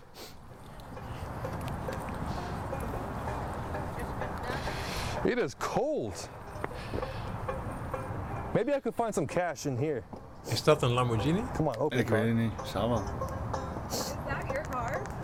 This is my car, yeah, but I'm trying to get the trunk to open so I can look for some cash.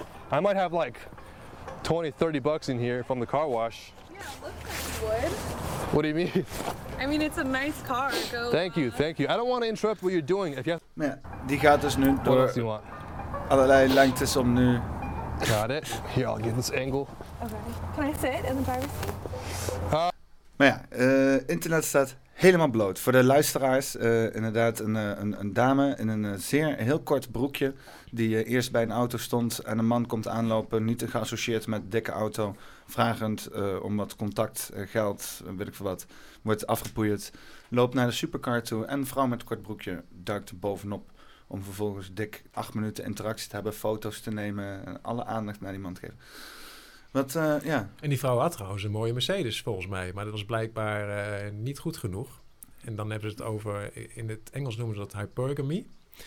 Of monkey branching. Dus dat vrouwen... Er is een psycholoog die zegt van vrouwen die zien mannen zoals mannen een baan zien. Dus stel dat je een betere baan kunt krijgen, dan doe je dat. Dus stel dat een vrouw een betere provider of man kan krijgen. En dan heb je het vooral over vrouwen die in het tweede chakra, dus de gold diggers. Vooral over die heb je het dan. En die zie je ook heel vaak op die, eh, die shows. Want je zit er weinig vrouwen met universitaire titels en managementfuncties. Die zie je er bijna niet tussen zitten. Ik had het dus, ik liep laatst ook op een motorbeurs rond. En eh, eh, daar stonden dan ook van die petspoesachtige personen, weet je wel. Is gewoon eh, smalle jonge dames in nog smallere kleding gepropt. En, en dat staat daar gewoon, weet je wel. En, en ik liep daar dan voorbij en, en ik denk dan, ik, ik zat echt te denken van, van, van, van is dit dan... Is het dan iets dan wij. Want dan, wat, wat, wat, wat heb je dan voor nodig, weet je wel? Het is gewoon puur uitbating van je uiterlijk, weet je? En dan heb ik zoiets van: sta je er dan? Sta je er dan wat, wat gaat er in dat hoofd op, weet je wel? Denk je van, oh, ik ben nu goed bezig. Ik heb echt goed gewerkt vandaag, weet je wel? Ik heb echt mijn kwaliteiten benut of zo. Of Ja, dat is nou juist de, de, de truc die je moet gaan doorzien. Dus dat zesde chakra is bij de vrouwen, dus bij het hoofd. Hè? Dat, dat denken waar alle informatie dan via die chakra's naar boven wordt eh, getransporteerd op het ritme van de adem.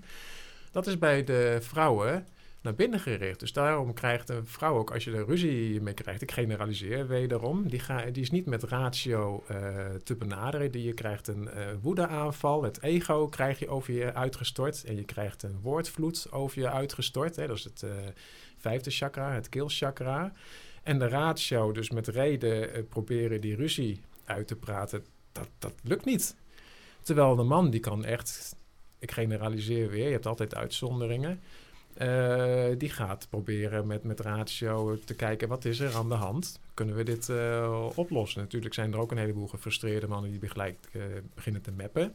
Dus dan is het tweede chakra heel erg dominant. Maar dan zie je inderdaad dat die spitspoezen daar staan. En ja, die zijn van jongs af aan gewend dat ze zoveel aandacht krijgen om een uiterlijk. En de meesten die denken daar niet bij na. En als je van jongs af niet meekrijgt hoe je daarmee om moet gaan. Hè? Dus eh, vooral bij alleenstaande moeders eh, die dan een, een dochter hebben en, of een zoon. Want dat is ook al een probleem. Eh, en, en niet vertelt hoe je moet omgaan met mannen en jezelf en je seksualiteit. En hoe je dan op zoek moet gaan naar een partner. En hoe je elkaar moet behandelen en dergelijke. Ja, dan krijg je... Het is, onze maatschappij is gewoon compleet van de pot gerukt. Ja. Ja, het is niet raar dat je allerlei... eh, want ze noemen dus nu die, die conservatieve opmars die er is... ze noemen ze alt-rechts en racistisch en populistisch en, eh, en, en fascistisch en zo, weet je wel. Maar het zijn gewoon mensen die gewoon klaar zijn met, met eh, waar dit allemaal heen gaat. En die willen iets alternatiefs. Maar dat wordt nu als hooglijk gevaarlijk gezien, hè? Ja, natuurlijk zijn die mensen gevaarlijk voor de status quo. Maar alleen het is een heel probleem om uit te puzzelen wat er nu eigenlijk aan de hand is. Want ik ben zelf ook ten prooi gevallen aan al die conditionering. Hè? Maar als je op je 23e bij de psychiater zit, zwaar depressief, dan word je gedwongen van jongens, wat is er aan de hand met mij? Dus ik moest op jonge leeftijd al eh, gaan puzzelen. Wat is er aan de hand? En dan kom je erachter, oké, de westerse psychologie is gewoon eh, erg leuk voor de statistieken. Maar hoe mensen in elkaar zitten, psychisch gezien, nee, dan moet je niet naar de westerse psychologie eh, gaan kijken. Dus eh, ik ben elf jaar aan het zoeken geweest om van mijn depressie af te komen. En uiteindelijk heeft iemand eh, in Velp mij verteld hoe ik dat moest doen. En dat was door middel van meditatie. En ik moest er wel moeite voor doen voordat hij dat mij ging vertellen. En ik begrijp ook waarom. Ik wel eens andere mensen verteld hoe ze zich van die depressie af moesten, hoe dat, eraf moesten zien te komen. Hmm. Ja, dat doen ze dan niet. Want als je echt depressief bent eh, en je moet gaan zitten in je eentje en gaan mediteren en dus je eigen onrust en onvrede en eh, ja, hoe heet dat? Ongeluk tegemoet moet zien. Ja, dat is nogal wat. Ja. Dus je kan beter op de vlucht slaan, in feite. Hè? En een heleboel mensen gaan ook aan de drank, eh, drugs of weet ik veel wat allemaal. Maar, maar ik ben er vanaf eh, gekomen, heeft elf jaar geduurd. En eh, ja, dan, begin, dan kom je van het een in het ander. Als je al ziet van, oké, dus we zijn psy- eh, hoe dat, spirituele wezens, maar wat is hier dan aan de hand? En eh, hoe werkt dat dan allemaal? Dus eh, ja, nou zit ik hier met jou. Dan is er ook een soort van, van spirituele oorlog gaande, denk je, op de mensheid? Ja, zoals ik, zoals ik het zie, hè, dat heb ik in de vorige aflevering gezegd, zijn wij hier geïnfiltreerd door de parasieten. En de parasieten, dat zijn de psychopaten. En als je ze, je kunt ze herkennen als je de hersenen gaat. Is dat determineren? Is dat een eh goede woord? Of, eh, Geen idee. dat is bij de plantjes, hè? Determineren, welk plantje het is. Maar als je de hersenen eh, gaat bekijken en gaat vergelijken met een mens, dan zie je dat bepaalde hersengebieden groter en of kleiner zijn dan met een eh, gevoelsmens. En dat niet alleen als je een PET-scan gaat maken, dus je gaat een... eh, moet je iedereen gaan scannen? Iedereen's hoofd gaan scannen? nou, met een MRI-scan zou je het eh, kunnen zien. Ook bij narcisten kun je het ik- verschil zien. Ik, ik, zou- heb jij, heb jij, ik heb laatst uit je een filmpje van de World Economic Forum. die, die, die ken je wel, hè? World Economic Forum. En daar wouden ze dus inderdaad met, met brainwaves aan de gang gaan. En ze hebben het idee dat ze dat kunnen doen met... eh, ja, de geluid die af en toe... Nou, maakt niet uit, komt goed.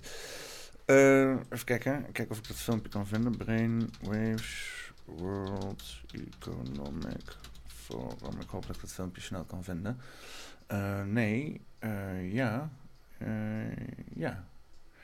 Ik, eh, ik, nee, ik heb dat filmpje gewoon op Twitter staan. Zal ik je dat eens vertellen? Hey, hey, ik twitter gewoon. Ken je dat, Twitter? Ja, wel eens wel gehoord, maar ook dat eh, Moet je gewoon, is voor eh, mij veel te ingewikkeld. Moet je, eh. moet je helemaal niet opgaan. Moet je helemaal niet willen. Eh, ja, World Economic Forum, die heeft dus inderdaad een leuk idee. Ik weet niet of ik dit al eens een keer eerder in de podcast heb gedaan, maar anders eh krijg ik hem gewoon nog een keer. Ehm, ja, understand a wonderful future where we can use brainwaves to fight crime, be more productive, and find love. You glance at the program running in the background on your computer screen and notice a now familiar sight that appears whenever you're overloaded with pleasure.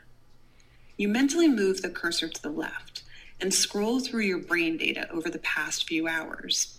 You can see your stress levels rising as the deadline to finish your memo approached, causing a peak in your beta brainwave activity right before an alert popped up telling you to take a brain break. But what's that unusual change in your brain activity when you're asleep? It started earlier in the month. You send a text message to your doctor with a mental swipe of your cursor. Could you take a quick look at my brain data? Anything to worry about? Your mind starts to wander to the new colleague on your team, whom you know you shouldn't be daydreaming about, given the policy against intra office romance. But you can't help fantasizing just a little. But then you start to worry that your boss will notice your amorous feelings when she checks your brain activity and shift your attention back to the present. You breathe a sigh of relief when the email she sends you later that day congratulates you on your brain metrics from the past quarter, which have earned you another performance bonus. When you arrive at work the next day, a somber cloud has fallen over the office. Along with emails, text messages, and GPS location data, the government has subpoenaed employees' brainwave data from the past year. They have compelling evidence that one of your coworkers has committed massive wire fraud. Now, they're looking for his co conspirators. You discover they are looking for synchronized brain activity between your coworker and the people he has been working with. While you know you're innocent of any crime, you've been secretly working with him on a new startup venture. Shaking, you remove your earbuds. What do you think? Is it a future you're ready for? well, is the future we ready for? Volgens mij zit er al bijna in. eh. maar eh, ja, dan kan je wel iedereen's brainwaves meten. Ja. Wij zeggen dat je dit een goed idee vindt. Nou, eh, als je naar psychopaten op zoek bent, eh, dan ben je aan het kijken naar gebieden in de hersenen die wel of geen activiteit hebben. En dan zijn het bijvoorbeeld gebieden die met empathie en gevoel te maken hebben. Dus het hartchakra waar ik net eh, het over had. Mhm. Want die energie die wordt zeg maar op het ritme van de adem in de hersenen geprojecteerd. En daar lijkt het net weer je met alles met de hersenen denkt, ziet, hoort en weet ik veel wat allemaal. Maar dat is niet helemaal zuiver waar. Dus als je een PET-scan maakt van een psychopaat, was een PET-scan, dan ga je radioactief eh, materiaal wat is eh, ge- geplakt, zal ik maar heel simpel zeggen, aan een eh, suiker, ga je injecteren bij iemand.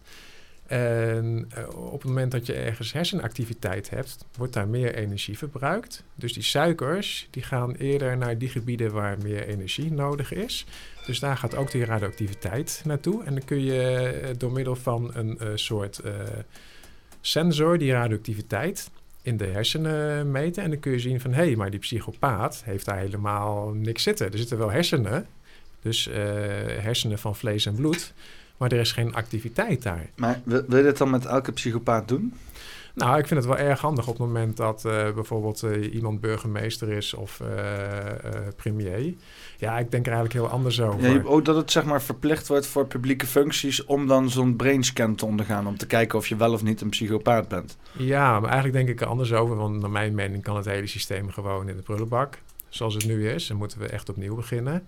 Maar eh, ja, als mensen zich voordoen van... ja, we doen het allemaal eh ten goede van het eh, algemeen belang... en ik ben, ik ben zo goed en aardig en empathisch. Het zijn gewoon psychopaten. E- Iemand die had dan ook een goed idee. Die zei, we moeten een testosteron-test doen. Misschien ook wel een, eh, een leuke, ja. Maar testosteron is heel erg te manipuleren met wat je eet en dergelijke. Ja, maar ja, dat, Ja. Dat, dat als je te hoog of te, of te laag testosteron dan vooral hebt... ik denk dat dat zijn, eh, zijn idee erachter is. Dat je dan niet aan sommige dingen mag deelnemen. Ja, valt wat voor te zeggen. Maar ik denk dat het belangrijkste is dat je, dat je een gevoelsmens bent. Een gevoelsmens zal nooit... eh, Ja, maar je, je hebt dus dan bijvoorbeeld als een belangenverstrengeling. Dat kan hier ook gebeuren, weet je wel. Waar je dan die lijn trekt van wat een psychopaat is. Hè? Is het dan een beetje activiteit, veel activiteit, weinig activiteit? Weet je wel? Dan heb je iemand met genoeg activiteit. En dan is hij zelf geen psychopaat. Maar dan gaat hij wel allerlei psychopathische dingen doen. Wat ga je dan doen? Nou, het verschil tussen een psychopaat en een mens, dat is mega duidelijk. Als je zegt, je zou het op Google kunnen eh, intikken, PET scan psychopath. En dan zie je dus eh, verschillen tussen een eh scan van een mens en een PET scan van een. je kan het ook op YouTube doen, denk ik. Daar vinden ze het. eh, nou ja, kijk maar. Oh, YouTube. Maar hoeveel procent van de mensen zijn psychopaat ook alweer? Ik heb eh, geen idee, eerlijk gezegd. Maar ik denk dat het er heel erg van afhangt waar je begint. Als je naar een multinational gaat of naar een grote stad... heb je daar meer psychopaten dan als je ergens eh, achteraf op het eh, platteland zit. Want psychopaat... Hier daaronder, deze... Die? Dan zie je gewoon... dat- Ja. What did you find when you were looking at these scans uh, that became sort of the genesis of this book? Yeah, I, well, I had no expectations. You know, I'm not, I went into this not an expert on psychopathy or on psychiatry or on killers. It was a side thing I was doing, and, but I had to learn very fast about these things, starting about seven years ago, eight years ago. And, and so Ik kan wel I, I had zegt. Deze man is eh, onderzoeker en hij is eh, medisch specialist, maar hij is zelf psychopaat. En heel simpel gezegd eh, was, waren ze bij psychopaten uit de gevangenis en zo waren ze ehm, hersenen aan het onderzoeken. En op een gegeven moment ook ziektes. Ja, ik weet het niet precies meer. En toen dachten ze van, hé, hey, die ziektes zijn erfelijk. Kom, laten we ook in onze familie de, de hersenen van de mensen scannen... om te kijken of het daar eh, ook zit. Maar deze man die weet dus hoe een scan van een psychopaat eruit ziet... en hoe een scan eh, van iemand met die bepaalde ziekte eruit ziet. Dus hij kreeg die, eh, die stapel met uitslagen van al die mensen. En eh, toen zei die mensen die die eh, scans had gemaakt... ja, er zit ook een rare scan tussen of we hebben een probleempje. Oh ja, ja, wat is het dan? Ja, dat is deze. Lang verhaal kort, dat was dus zijn eigen hersenen. Zijn eigen hersenen waren dat. En hij was dus een psychopaat. En achteraf blijkt dus ook dat zijn familie inderdaad zegt van... ja, hij is gewoon een psychopaat. Hij mist empathie. Dat wil niet zeggen dat hij een gevaarlijke psychopaat is. Zeg maar, die tot de categorie behoort die in de gevangenis eh, terechtkomt. Omdat ze beginnen te moorden en, en dat soort zaken. Maar hij mist wel degelijk eh, wat. En naar mijn idee behoort deze man eh, tot de parasieten. Zonder dat hij het weet. Hm. Het zou best kunnen zijn dat hij het wel weet en dat hij hier... want hij... Wat, wat, wat, zag, wat zie je hier? Nou, je ziet hier helemaal rechts, Jim heet die man, dat er gewoon delen missen in zijn eh PET-scan. En dat betekent dus dat hij in dit geval niet gehinderd wordt door enige emoties. Hij zegt dus op een gegeven moment ook in een eh, filmpje ergens van... ja, psychopaten zijn nuttig voor onze maatschappij. Want het zijn hele goede chirurgen bijvoorbeeld. Ben ik het mee eens, want op het moment dat ik iemand moet opereren... en het eh, gaat wel of niet lukken en die man gaat wel of niet sterven... of die vrouw of hermafrodiet, wie het dan ook zijn mag... ja, dan kan ik misschien wel zenuwachtig worden. Want ik ben een gevoelsmens, maar een psychopaat, nergens last van. Het lukt of het lukt niet. Eh, het ego staat voorop. Dus die psychopaat wil juist dat het gaat lukken. Want dan kan die zeggen van kijk, ik eh, heb het weer gedaan. Maar die wordt niet gehinderd door enige eh, gevoelens met bijbehorende emoties. Dat kan gunstig zijn. Dus je ziet ook dat we een maatschappij hebben waarin psychopaten kunnen floreren. Eh, de financiële sector, de corporatieve sector. Hoe minder emotie je hebt, hoe gruwelijkere dingen je kan doen, hoe meer je kan floreren. Ja, het is dus een onmenselijk systeem. Want er gebeuren dus uiteindelijk onder de streep allemaal dingen die niet ten goede zijn. Als je naar Nazi-Duitsland gaat kijken, dan kun je dat alleen verklaren op het moment dat... De psychopaten hebben één ding gemeen, ze zijn op zoek naar machtsposities. Of het nou eh, in een klein bedrijf is of een groot bedrijf of eh, bij de gemeente. Het maakt niet uit, ze zijn allemaal op zoek naar machtsposities. Ze willen macht hebben over anderen. Ze denken in hiërarchie. En dus dan kijk je naar Nazi-Duitsland en dan zie je dat daar eh, ongetwijfeld, kan haast niet anders, allemaal eh, grote ego's en psychopaten op machtsposities hebben gezeten. Terwijl ieder weldenkend mens op een gegeven moment zegt, ja, we zijn met het hele land hier één grote oorlogsfabriek geworden. Uniformen, kanonnen, tanks, bajonetten. Wat zijn we allemaal aan het doen hier, eh, jongens? En wat gaat er zo meteen eh, gebeuren? Ja, en toch is het eh, gebeurd. En dat kan alleen op het moment dat er genoeg psychopaten op machtsposities zitten. En dat eh, mensen die daaronder zitten, de gevoelsmensen, te watje zijn. En zo zie ik het nou ook in de huidige maatschappij. De mannen vooral zijn te watje. om daar wat tegen te doen. Ja. We zijn helemaal gefeminiseerd. Hoe, hoe spreek je dat uit? Ja, gefeminiseerd. Eh, ik heb eh, wat, eh, een paar vragen voor jou. Eerste vraag. Sowieso aarde plot, toch, René? Aarde plot, toch? Plot, toch? Plat. Zal het plat zijn, denk je? Sowieso aarde plat, toch? Nee, ik denk dat daar het woord plat moet staan. Ah. Denk je ook niet? Ik, ik, ik, plot is niks, hè? ik denk het wel. Ik denk dat dat de vraag is. Ik weet het antwoord niet. En eh, ik weet ook niet wat de maan is. Ik heb echt geen flauw idee of er nou een reflectie in een plasmakoepel is. Nou of nee. Wat je wel ziet, hè, als je naar de maan kijkt en naar een, filmpje wat versneld is afgespeeld, dan zie je de, de maan zie je ietsje draaien. Maar dat kan dus ook de weerspiegeling van de aarde zijn. Dus ik, ik kan het antwoord niet geven. Maar eerlijk gezegd vind ik het niet interessant in deze fase in de strijd. Er zijn een stel parasieten je huis binnengedrongen. En dan wil je weten, oh, er zijn een parasiet het huis binnengedrongen. Eh, ja, maar wat voor huis leven? Is het nou een villa? Of is het nou een vrijstaand huis? Of een rijtjeshuis? En onder- ondertussen zijn die parasieten de hele boel aan het verbouwen. En eh, je leven onmogelijk aan het maken. Ja, maar het is echt een villa hoor. Ja, boeien. Volgens mij zijn die parasieten en eh, dat we weer in harmonie gaan leven met, eh, met de natuur. Ik denk dat dat prioriteit is. Want ze zijn totaal niet met harmonie bezig momenteel. En ze zoeken van alles. Ja, die, die, die, die vorm van die aarde creëert ook geen harmonie in het debat of in de discussie. Nee, we zijn ook weer discussie. verdeeldheid. Ja, ze zijn van alles aan het zoeken dat we met elkaar aan het bekvechten zijn en het niet eens zijn met elkaar, terwijl het maar om één ding draait: dat iedereen bestaansrecht heeft hier op aarde. Ja, en zoals het nu gaat, heeft eh, bijna niemand meer bestaansrecht zometeen.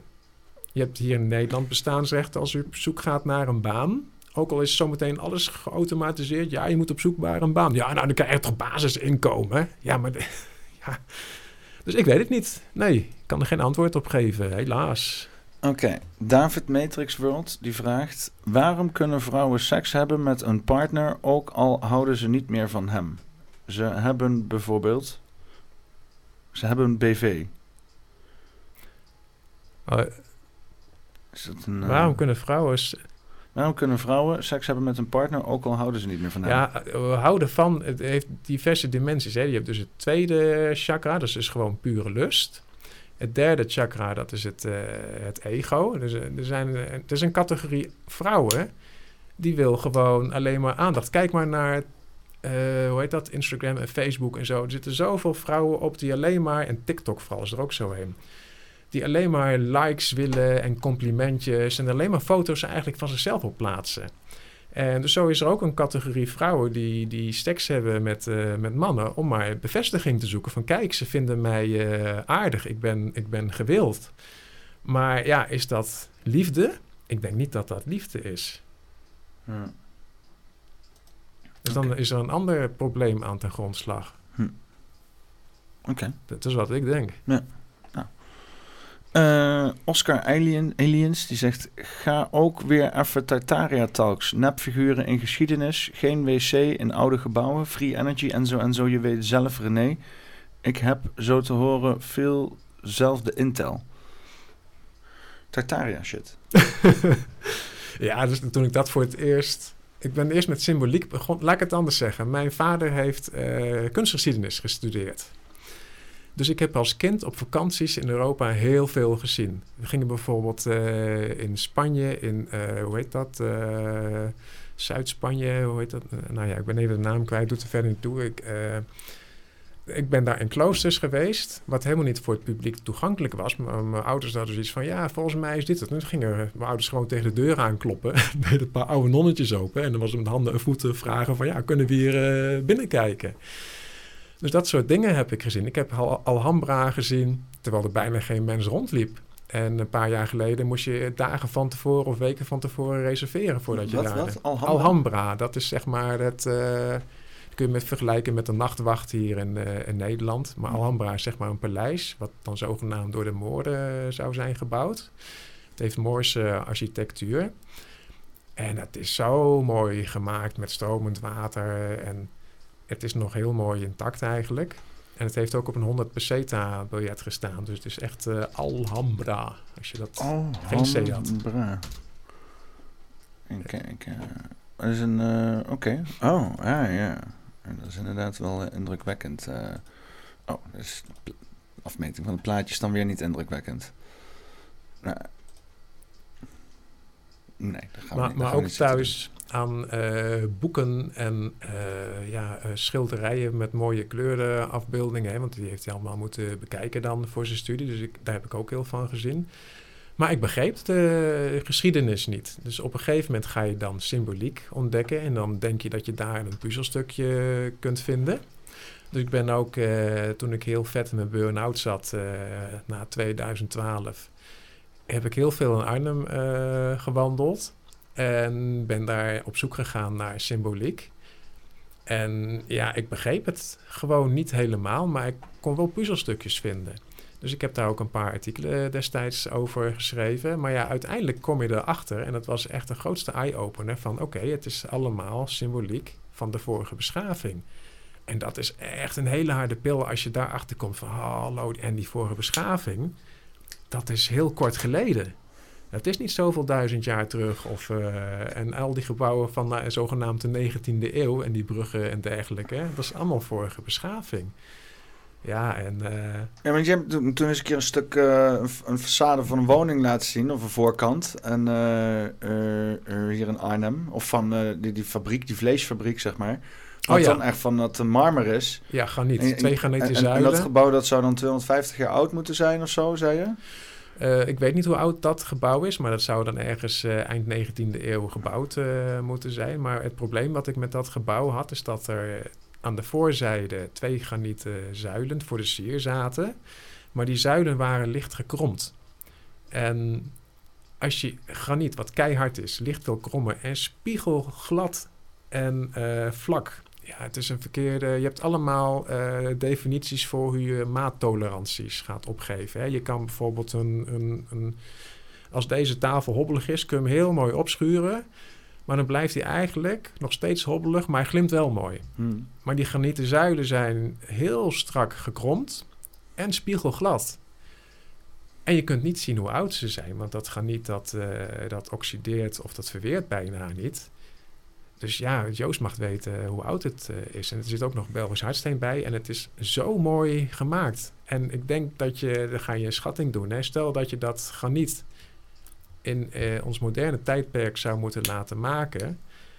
Ja, je zou het in de jaren 70 of 80 kunnen laten maken, maar dan moet je naar een heel specialistisch bedrijf. En pas in de jaren 90 en heb je die computergestuurde draaien freesbanken die echt eh, langzaam een intrede beginnen te doen. Ja, dan komt langzaam dat je naar een steenhouder kunt, een grotere steenhouder die zo'n ding heeft eh, staan. En dan kun je dat inderdaad eh, laten maken. Maar dit is voor een winkel, een winkelpand, dus geen paleis, in de Koningsstraat. En dan, denk je, en dan ga je verder kijken in Arnhem. En dan zie je op meer plekken bij winkelpanden dat soort idiote stukken graniet. waarvan je denkt: Mijn god, zegt het heeft destijds volgens onze maatstaven die we nu kennen. een godsvermogen gekost. Maar je ziet het overal bij winkelpanden. En als je dan gaat kijken hoe die winkelpanden en die gebouwen verder zijn gemaakt. Het is zo mooi gemaakt. Er zit zoveel arbeid in en zoveel kennis. En het staat er dan vaak ook nog steeds en eh, heel strak. Dus dat het niet al half in elkaar is gezakt ja, dan op een gegeven moment uh, valt het kwartje. En denk je, denk je dat uh, Arnhem gepurged is ergens in het verleden? Wat bedoel je met gepurged? Nou, je hebt in die hele Tartaria uh, gebeuren, heb je zo'n toch wel zo'n ding dat er, dat, er, dat er steden ontruimd zijn. ergens. ik zit te denken aan Napoleon-tijden ergens. En dat dat gewoon weer geherpopuliseerd... nieuwe mensen erin. Ja, nou ik denk dat, uh, dat ze alle techniek klaar hebben gemaakt. Ik vind het dan leuk bijvoorbeeld om op makelaars uh, sites te kijken. Of uh, Funda bijvoorbeeld. Dan worden wel eens huizen te koop aangeboden. Onlangs was bijvoorbeeld Café L'Amérique. dat is een zijstraat van de Steenstraat. Het werd aangeboden. En dan uh, mevrouw Bonats, dat was dan de vrouw van de laatste eigenaar, die heeft er dan boven gewoond. En dan vind ik het leuk om te kijken, hè, want ik had zo vermoeden van ja, dat is een huis van de vorige beschaving. Dan kun je dan, uh, op oude foto's aan de buitenkant zien, oké, die voordeuren waren uh, mooi, dat waren kostbare voordeuren.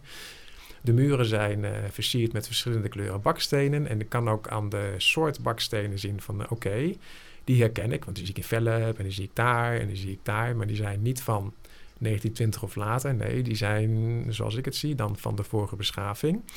En dan ga je dus de, de kamers bekijken in die woning. En dan zie je daar inderdaad weer van die schouwen, hè, dus van een open haard, die heel ondiep zijn. Met hoge plafonds en dus ook hoge raampartijen. Terwijl we vroeger hele koude winters hadden. En daar heeft dus een soort uh, alternatieve verwarming van de vorige beschaving gezeten op vrije energie. En die hebben ze in al die huizen hier in Arnhem onklaargemaakt. Dus ze hebben alles onklaargemaakt. Dat is echt ongelooflijk. Dus al het bewijs hebben ze vernietigd. En dat is wereldwijd gebeurd. Dus het moet een mega operatie geweest zijn. Hoe ze dat gedaan hebben, ik heb geen flauwe nul. Is het uh, nuttig om te vragen waarom? Ja, zodat wij geloven dat de uh, industriële revolutie echt is. Ja, ja, ja. En dat wij afhankelijk worden gemaakt van, uh, van de machthebbers die alle multinationals in, uh, in handen hebben. Terwijl als je zelf in je basisbehoeften kunt voorzien, dus te eten, te drinken en je eigen warmtebron hebt op vrije energie in dit geval, ja, hoeveel macht hebben ze dan nog over je? Bijna niks. Dus daar gaat het in feite allemaal om. De centralisatie van, uh, van macht. Waarom heet dat Tartaria eigenlijk? Het heet Tartaria. Wat hebben die Tartaren ermee te maken dan? Nou, de, uh, toen uh, mensen eigenlijk ontdekten dat er een vorige beschaving was, maar deze eigenlijk nog geen naam had. maar er wel op kaarten de naam Tartaria te vinden was, met name in, in, in Rusland, zeg maar. Werd deze verloren beschaving Tartaria genoemd. En of het nou het Rosh Empire of de, de White Empire werd genoemd, of hoe het dan ook werd genoemd, dat doet er eigenlijk naar mijn idee niet zo toe. Je kan aan de, aan de bouwwerken zien dat het er was, maar er was nog veel meer. Als je echt in de geschiedenis gaat kijken, dan zie je dat er in het verleden op hele grote schaal uh, mijnbouw is geweest hier op aarde. Je doet kustlijnen met allemaal mooie glooiende inhammen. Daar heeft een, uh, een arm wat om een as heen draait uh, de boel lopen, ja, lekker lopen afgraven. En ja, zo zijn er ook grote bomen geweest, bijvoorbeeld op basis van uh, silicium, dus zand, laat ik het maar zo zeggen. Dus, dus het, het is allemaal, en reuzen. Ja, want en dat, dwergen. Want, want, dat is wel een beetje dat al die fucking gebouwen van vroeger allemaal zo moeilijk groot waren. Mensen zeggen dan machtsvertonen en zo. Maar het is ook gewoon echt onpraktisch groot. En dan je denkt van, eh, ook inderdaad als je gewoon om efficiëntie denkt, ook met die huizen. Overal zo'n kut groot plafond. En dan je denkt van, wat, wat doe je daarmee, weet je wel? Alleen het is dan even allemaal een beetje dichtgemetseld en een klein kutdeurtje ingemaakt. Zo van, oh, hier hebben altijd al dwergen geleefd of zo. Maar ik had er ook wel vragen bij waarom sommige gebouwen zo groot, zo groot en hoog moeten zijn. En ze denken ook van, er waren vroeger volgens mij inderdaad grotere mensen. Nou ja, als je dan naar de traptreden kijkt in dat soort huizen, die zijn wat mij betreft voor normale mensen. En een heleboel deuren zijn ook eh, voor normale mensen. En als ik dan naar die deuren kijk, dan heb ik echt zoiets van... oké, volgens mij zijn dat de originele deuren. Dus dat nou alles voor reuzen is, ja, daar ga ik niet in mee. Maar er waren wel dergelijke reuzen. En, eh, maar het klimaat was heel anders. Naar mijn idee was het klimaat veel gematigder. En je zat ook maar enkel glas. En toch konden ze daar de winters mee, mee door met die hoge plafonds. En iedere 4 meter is het temperatuurverschil ongeveer 2,5 graden. En daarom hebben mensen ook uh, vloerverwarming om die temperatuurgradient in je woonkamer te, zo klein mogelijk te, te houden. Dat niet alle warmte aan je plafond zit als je aan het stoken bent. Hmm. En met die hoge plafonds heb je dat juist wel. Dus dan denk je van, ja jongens, het, het, kan helemaal niet dat met die koude winters... waar je ook nog een heleboel schilderijen van hebt, notabene, hè, die oude meesters... En daar schijnt dan ook een heleboel in vervals te zijn, want dan gaan ze de pigmenten onderzoeken. En dan zijn de pigmentkorrels van sommige schilderijen zo klein dat je denkt van ja, maar dat kun je helemaal niet met de hand gemalen hebben. Dat moet ergens met een uh, printer zijn gemaakt. Ja, en als je nu al op internet kunt intikken van ik wil mijn portret laten uh, maken in de stijl van Van Gogh. Kloink! Half seconde later heb je jouw portret in de stijl van Van Gogh. Allemaal door kunstmatige intelligentie gemaakt. En ik zeg, het uh, was er allemaal al lang. We zijn door een uh, hoogtechnologische, maar uh, spiritueel arme beschaving, ja, beschaving of kracht kan ik het beter noemen, overgenomen. En die is geïnfiltreerd. En zijn die, het reptielen toevallig? Weet ik niet, weet ik niet. Maar de psychopaten, als je zegt dat het kunstmatige intelligentie is, hè, omdat ze zeg maar delen missen in hun, in hun wezen, dat zie je op die PET-scans. Het zou ook een soort uh, spirituele, uh, kunstmatige intelligentie kunnen zijn. Ik weet het gewoon vol, niet. Volg geen Mickey van Leeuwen? Ik, uh, ik, ik, heb hem gezien hier op die Of, avond, ja. maar ik volg hem niet. Nee. Hij, hij, hij, is ook in strijd met de kunstmatige intelligentie inderdaad, ja. Hij ziet dat ook, dat, dat de kunstmatige intelligentie neemt over.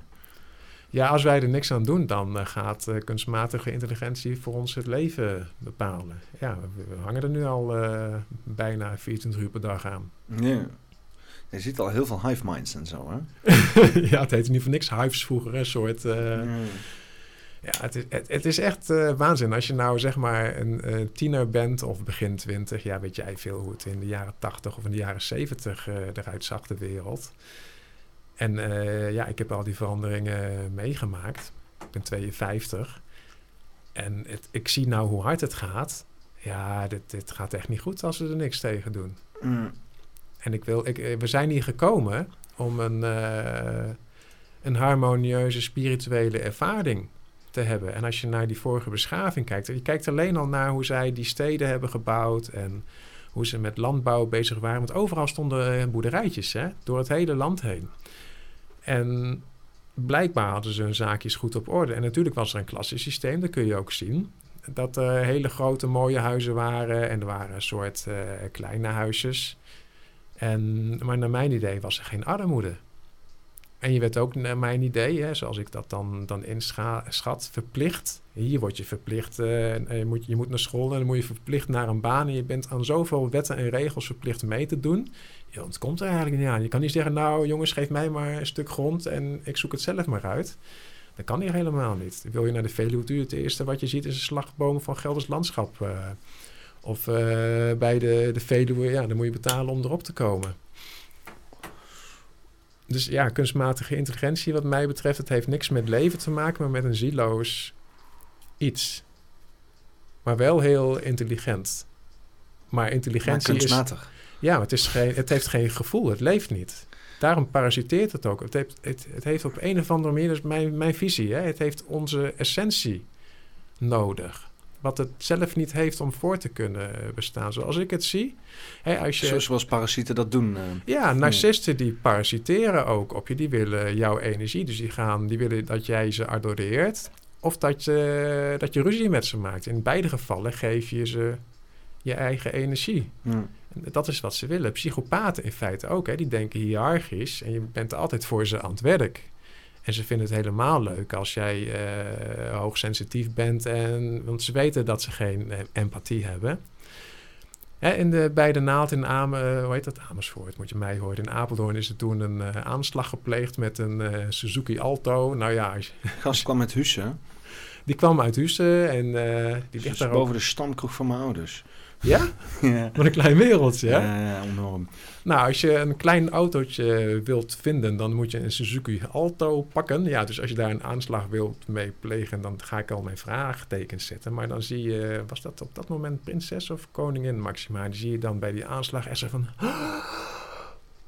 En dan denk ik, volgens mij is dat gespeeld. Nee. Dat is wel vreemd. Ja, ze spelen. Er, is ook, eh, er zit ook een hele hoop eh, eh, occulte betekenis achter. eh, zo die datum en dan die naald. En eh, ja, dus... dus eh, Ja, ik vind het op zich wel knap om met zo'n klein autootje eerst een stel mensen te raken. Want hij komt, eh, ja, ik heb in Apeldoorn op de middelbare school gezeten, dus ik weet goed hoe het daar eruit ziet. Dus hij komt eraan knallen over die kruising. En dan met een kleine autootje komt hij dan tegen het hek wat om de naald heen staat tot stilstand. ja. Ja, dan denk ik, hoe krijgen ze het voor elkaar, joh? Is dat toeval of niet? Ja, ik weet het niet. Je weet het niet. Hè, ik weet het niet. We hebben nog een vraag. Eh Dilana Tucker die zegt, hoe gaat het? ik ben eh, moe. Ja, moe. Maar ik eh, zit in de naweeën van een burn-out en een soort voorjaarsmoeheid. Dus ik probeer zo min mogelijk te doen. Ik ben al groot... Ik ben, hoe heet dat? Ik kan niet eens uit mijn woorden komen. Ik ben met YouTube was ik heel veel van plan. Maar dat stagneert een eh, beetje. Want je moet fit zijn om in je eentje daar in die camera te lopen eh, beppen. Hmm. Maar dus als ik in één keer wat fitter ben, kan er zomaar in één keer een heleboel uitkomen eh, op YouTube. Ja, zomer is sowieso een betere tijd om productief te zijn dan in de winter.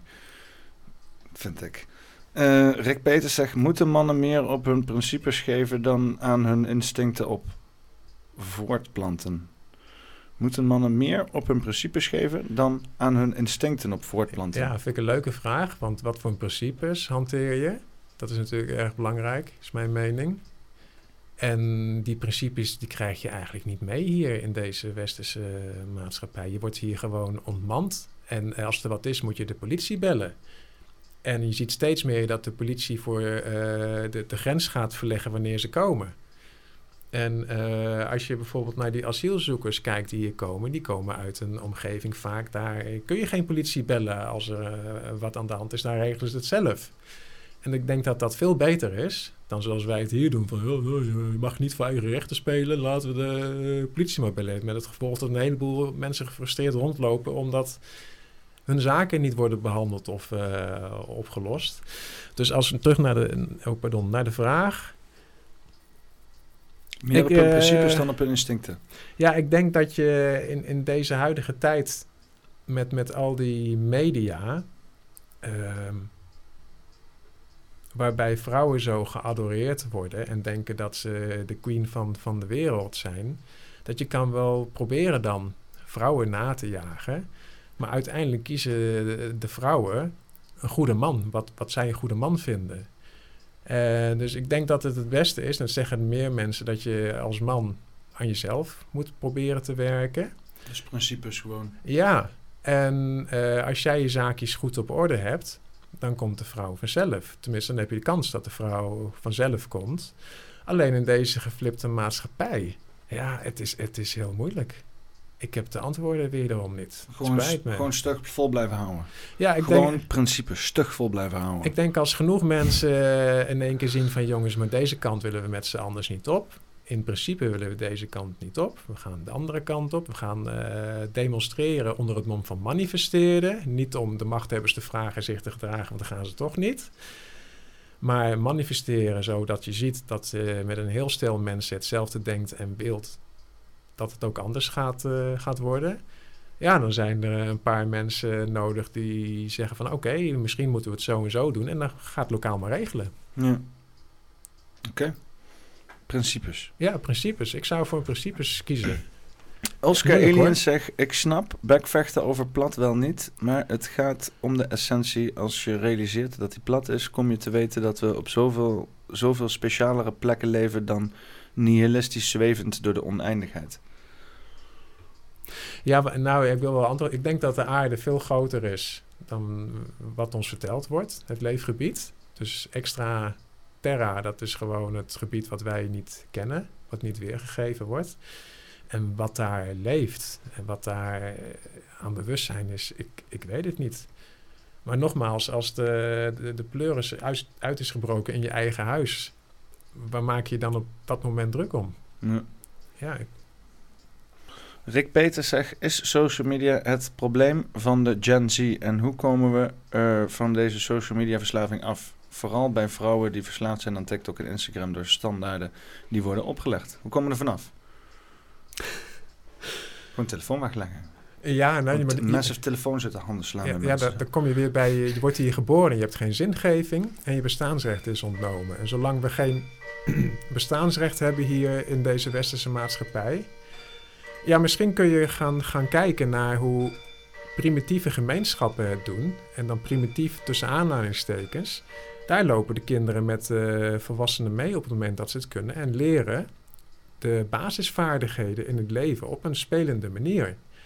En op het moment dat je dus meedoet en zingeving hebt als kind en erbij hoort, ja, waarom ga je dan aan je, met je mobieltje spelen en, en ben je op zoek naar bevestiging en dergelijke? Maar deze westerse maatschappij is zo leeg dat je daar op zoek naar gaat. Dus de mannen die gaan, eh, hè, dus om deze maatschappij te ontwrichten, hebben ze de, de vrouwen social media en vrouwenemancipatie gegeven. En de mannen hebben ze porno gegeven. En dat is wat je om je heen ziet. Dat is, dat is onze westerse maatschappij. Ja, hoe kom je daar vanaf? Tegenbeweging. Eh, ja, het hele zootje in de prullenbak gooien. Dus, eh, dus, In de prullenbak. Eh, Oscar Alien zegt, women are like butterflies, make a nice garden and they will come. Ja, is geen vraag. Ja. Ja, daar ben ik het wel mee eens. Hè? Dus als je je eigen zaakjes op orde hebt, dan, dan komen ze vanzelf. Ja, Ja, ik wil rustig richting een einde gaan doen. Ik een prima idee. Je ligt aan het sterven, dus eh, we hebben het mij goed gedaan zo. Eh, twee uurtjes toch neergelegd. Eh, een titel. We gaan eh, dan natuurlijk een titel verzinnen. Oh, dat is lastig zeg in deze... In deze maatschappij? Ja, parasieten hebben we al gehad bij de vorige aflevering. Ehm,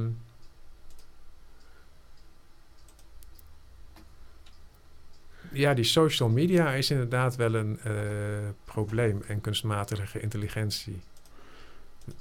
Kunstmatige media? Weg met het kunstmatige leven, zo, zoiets. Of terug naar de natuur. Dit we hebben het niet echt erover gehad, maar dat is wel de essentie, denk ik. Eh, eh, gewoon weg met kunstmatig. Weg met kunstmatig, ja, die is ook wel leuk, ja. Of, Ja. Weg, of weg met onnatuurlijk. Of is het datzelfde? Ja, ik weet het niet. Ik zeg weg met kun- kunstmatig. Mag wel, eh, mag wel een beetje. eh, ik zeg natuurlijk nooit. echt- Ja, misschien positieve benadering, maar. Ik vind het gewoon wel sterker. Ja. Ik ben er ook wel. eh, Mee eens, doe maar. Weg met kunstmatig. Oké, nou dan iedereen in de live chat toch wel heel even benoemen. Want we hebben toch wel hè, 226 mensen die de hele tijd aan het meekoekeloeren zijn. En er werd heftig eh, gechat, dus even bedankt aan de chat. Bedankt Ben van Ekelen, Egbert Schulte, Greg van G, JHS, Betoestad, Jimmy Luchesse, Jordi Rotterdammer, Jos Broersma, Matt Max, Perry Theeussen, Peter Leo, Pip Peloentje 68, Q17, Robert Punt, Roland, Roy de Liefste, Snake Lol, Skurs, Swerm J, eh, Think Positive Always, Tita Thomas, TomTom, X Hill. Bedankt. Bedankt iedereen voor, eh, voor het meechatten. En eh, ja, dan eh, sluit ik hem af. Dit was de Poppenkast nummer 109. 109. Met eh, René Meekel. Dankjewel dat ik mee, eh, mee mocht doen. Geen probleem. Eh, wat, was, wat was dit ook weer? Poppenkast 109. Weg met kunstmatig. Met René Meekel. Bedankt.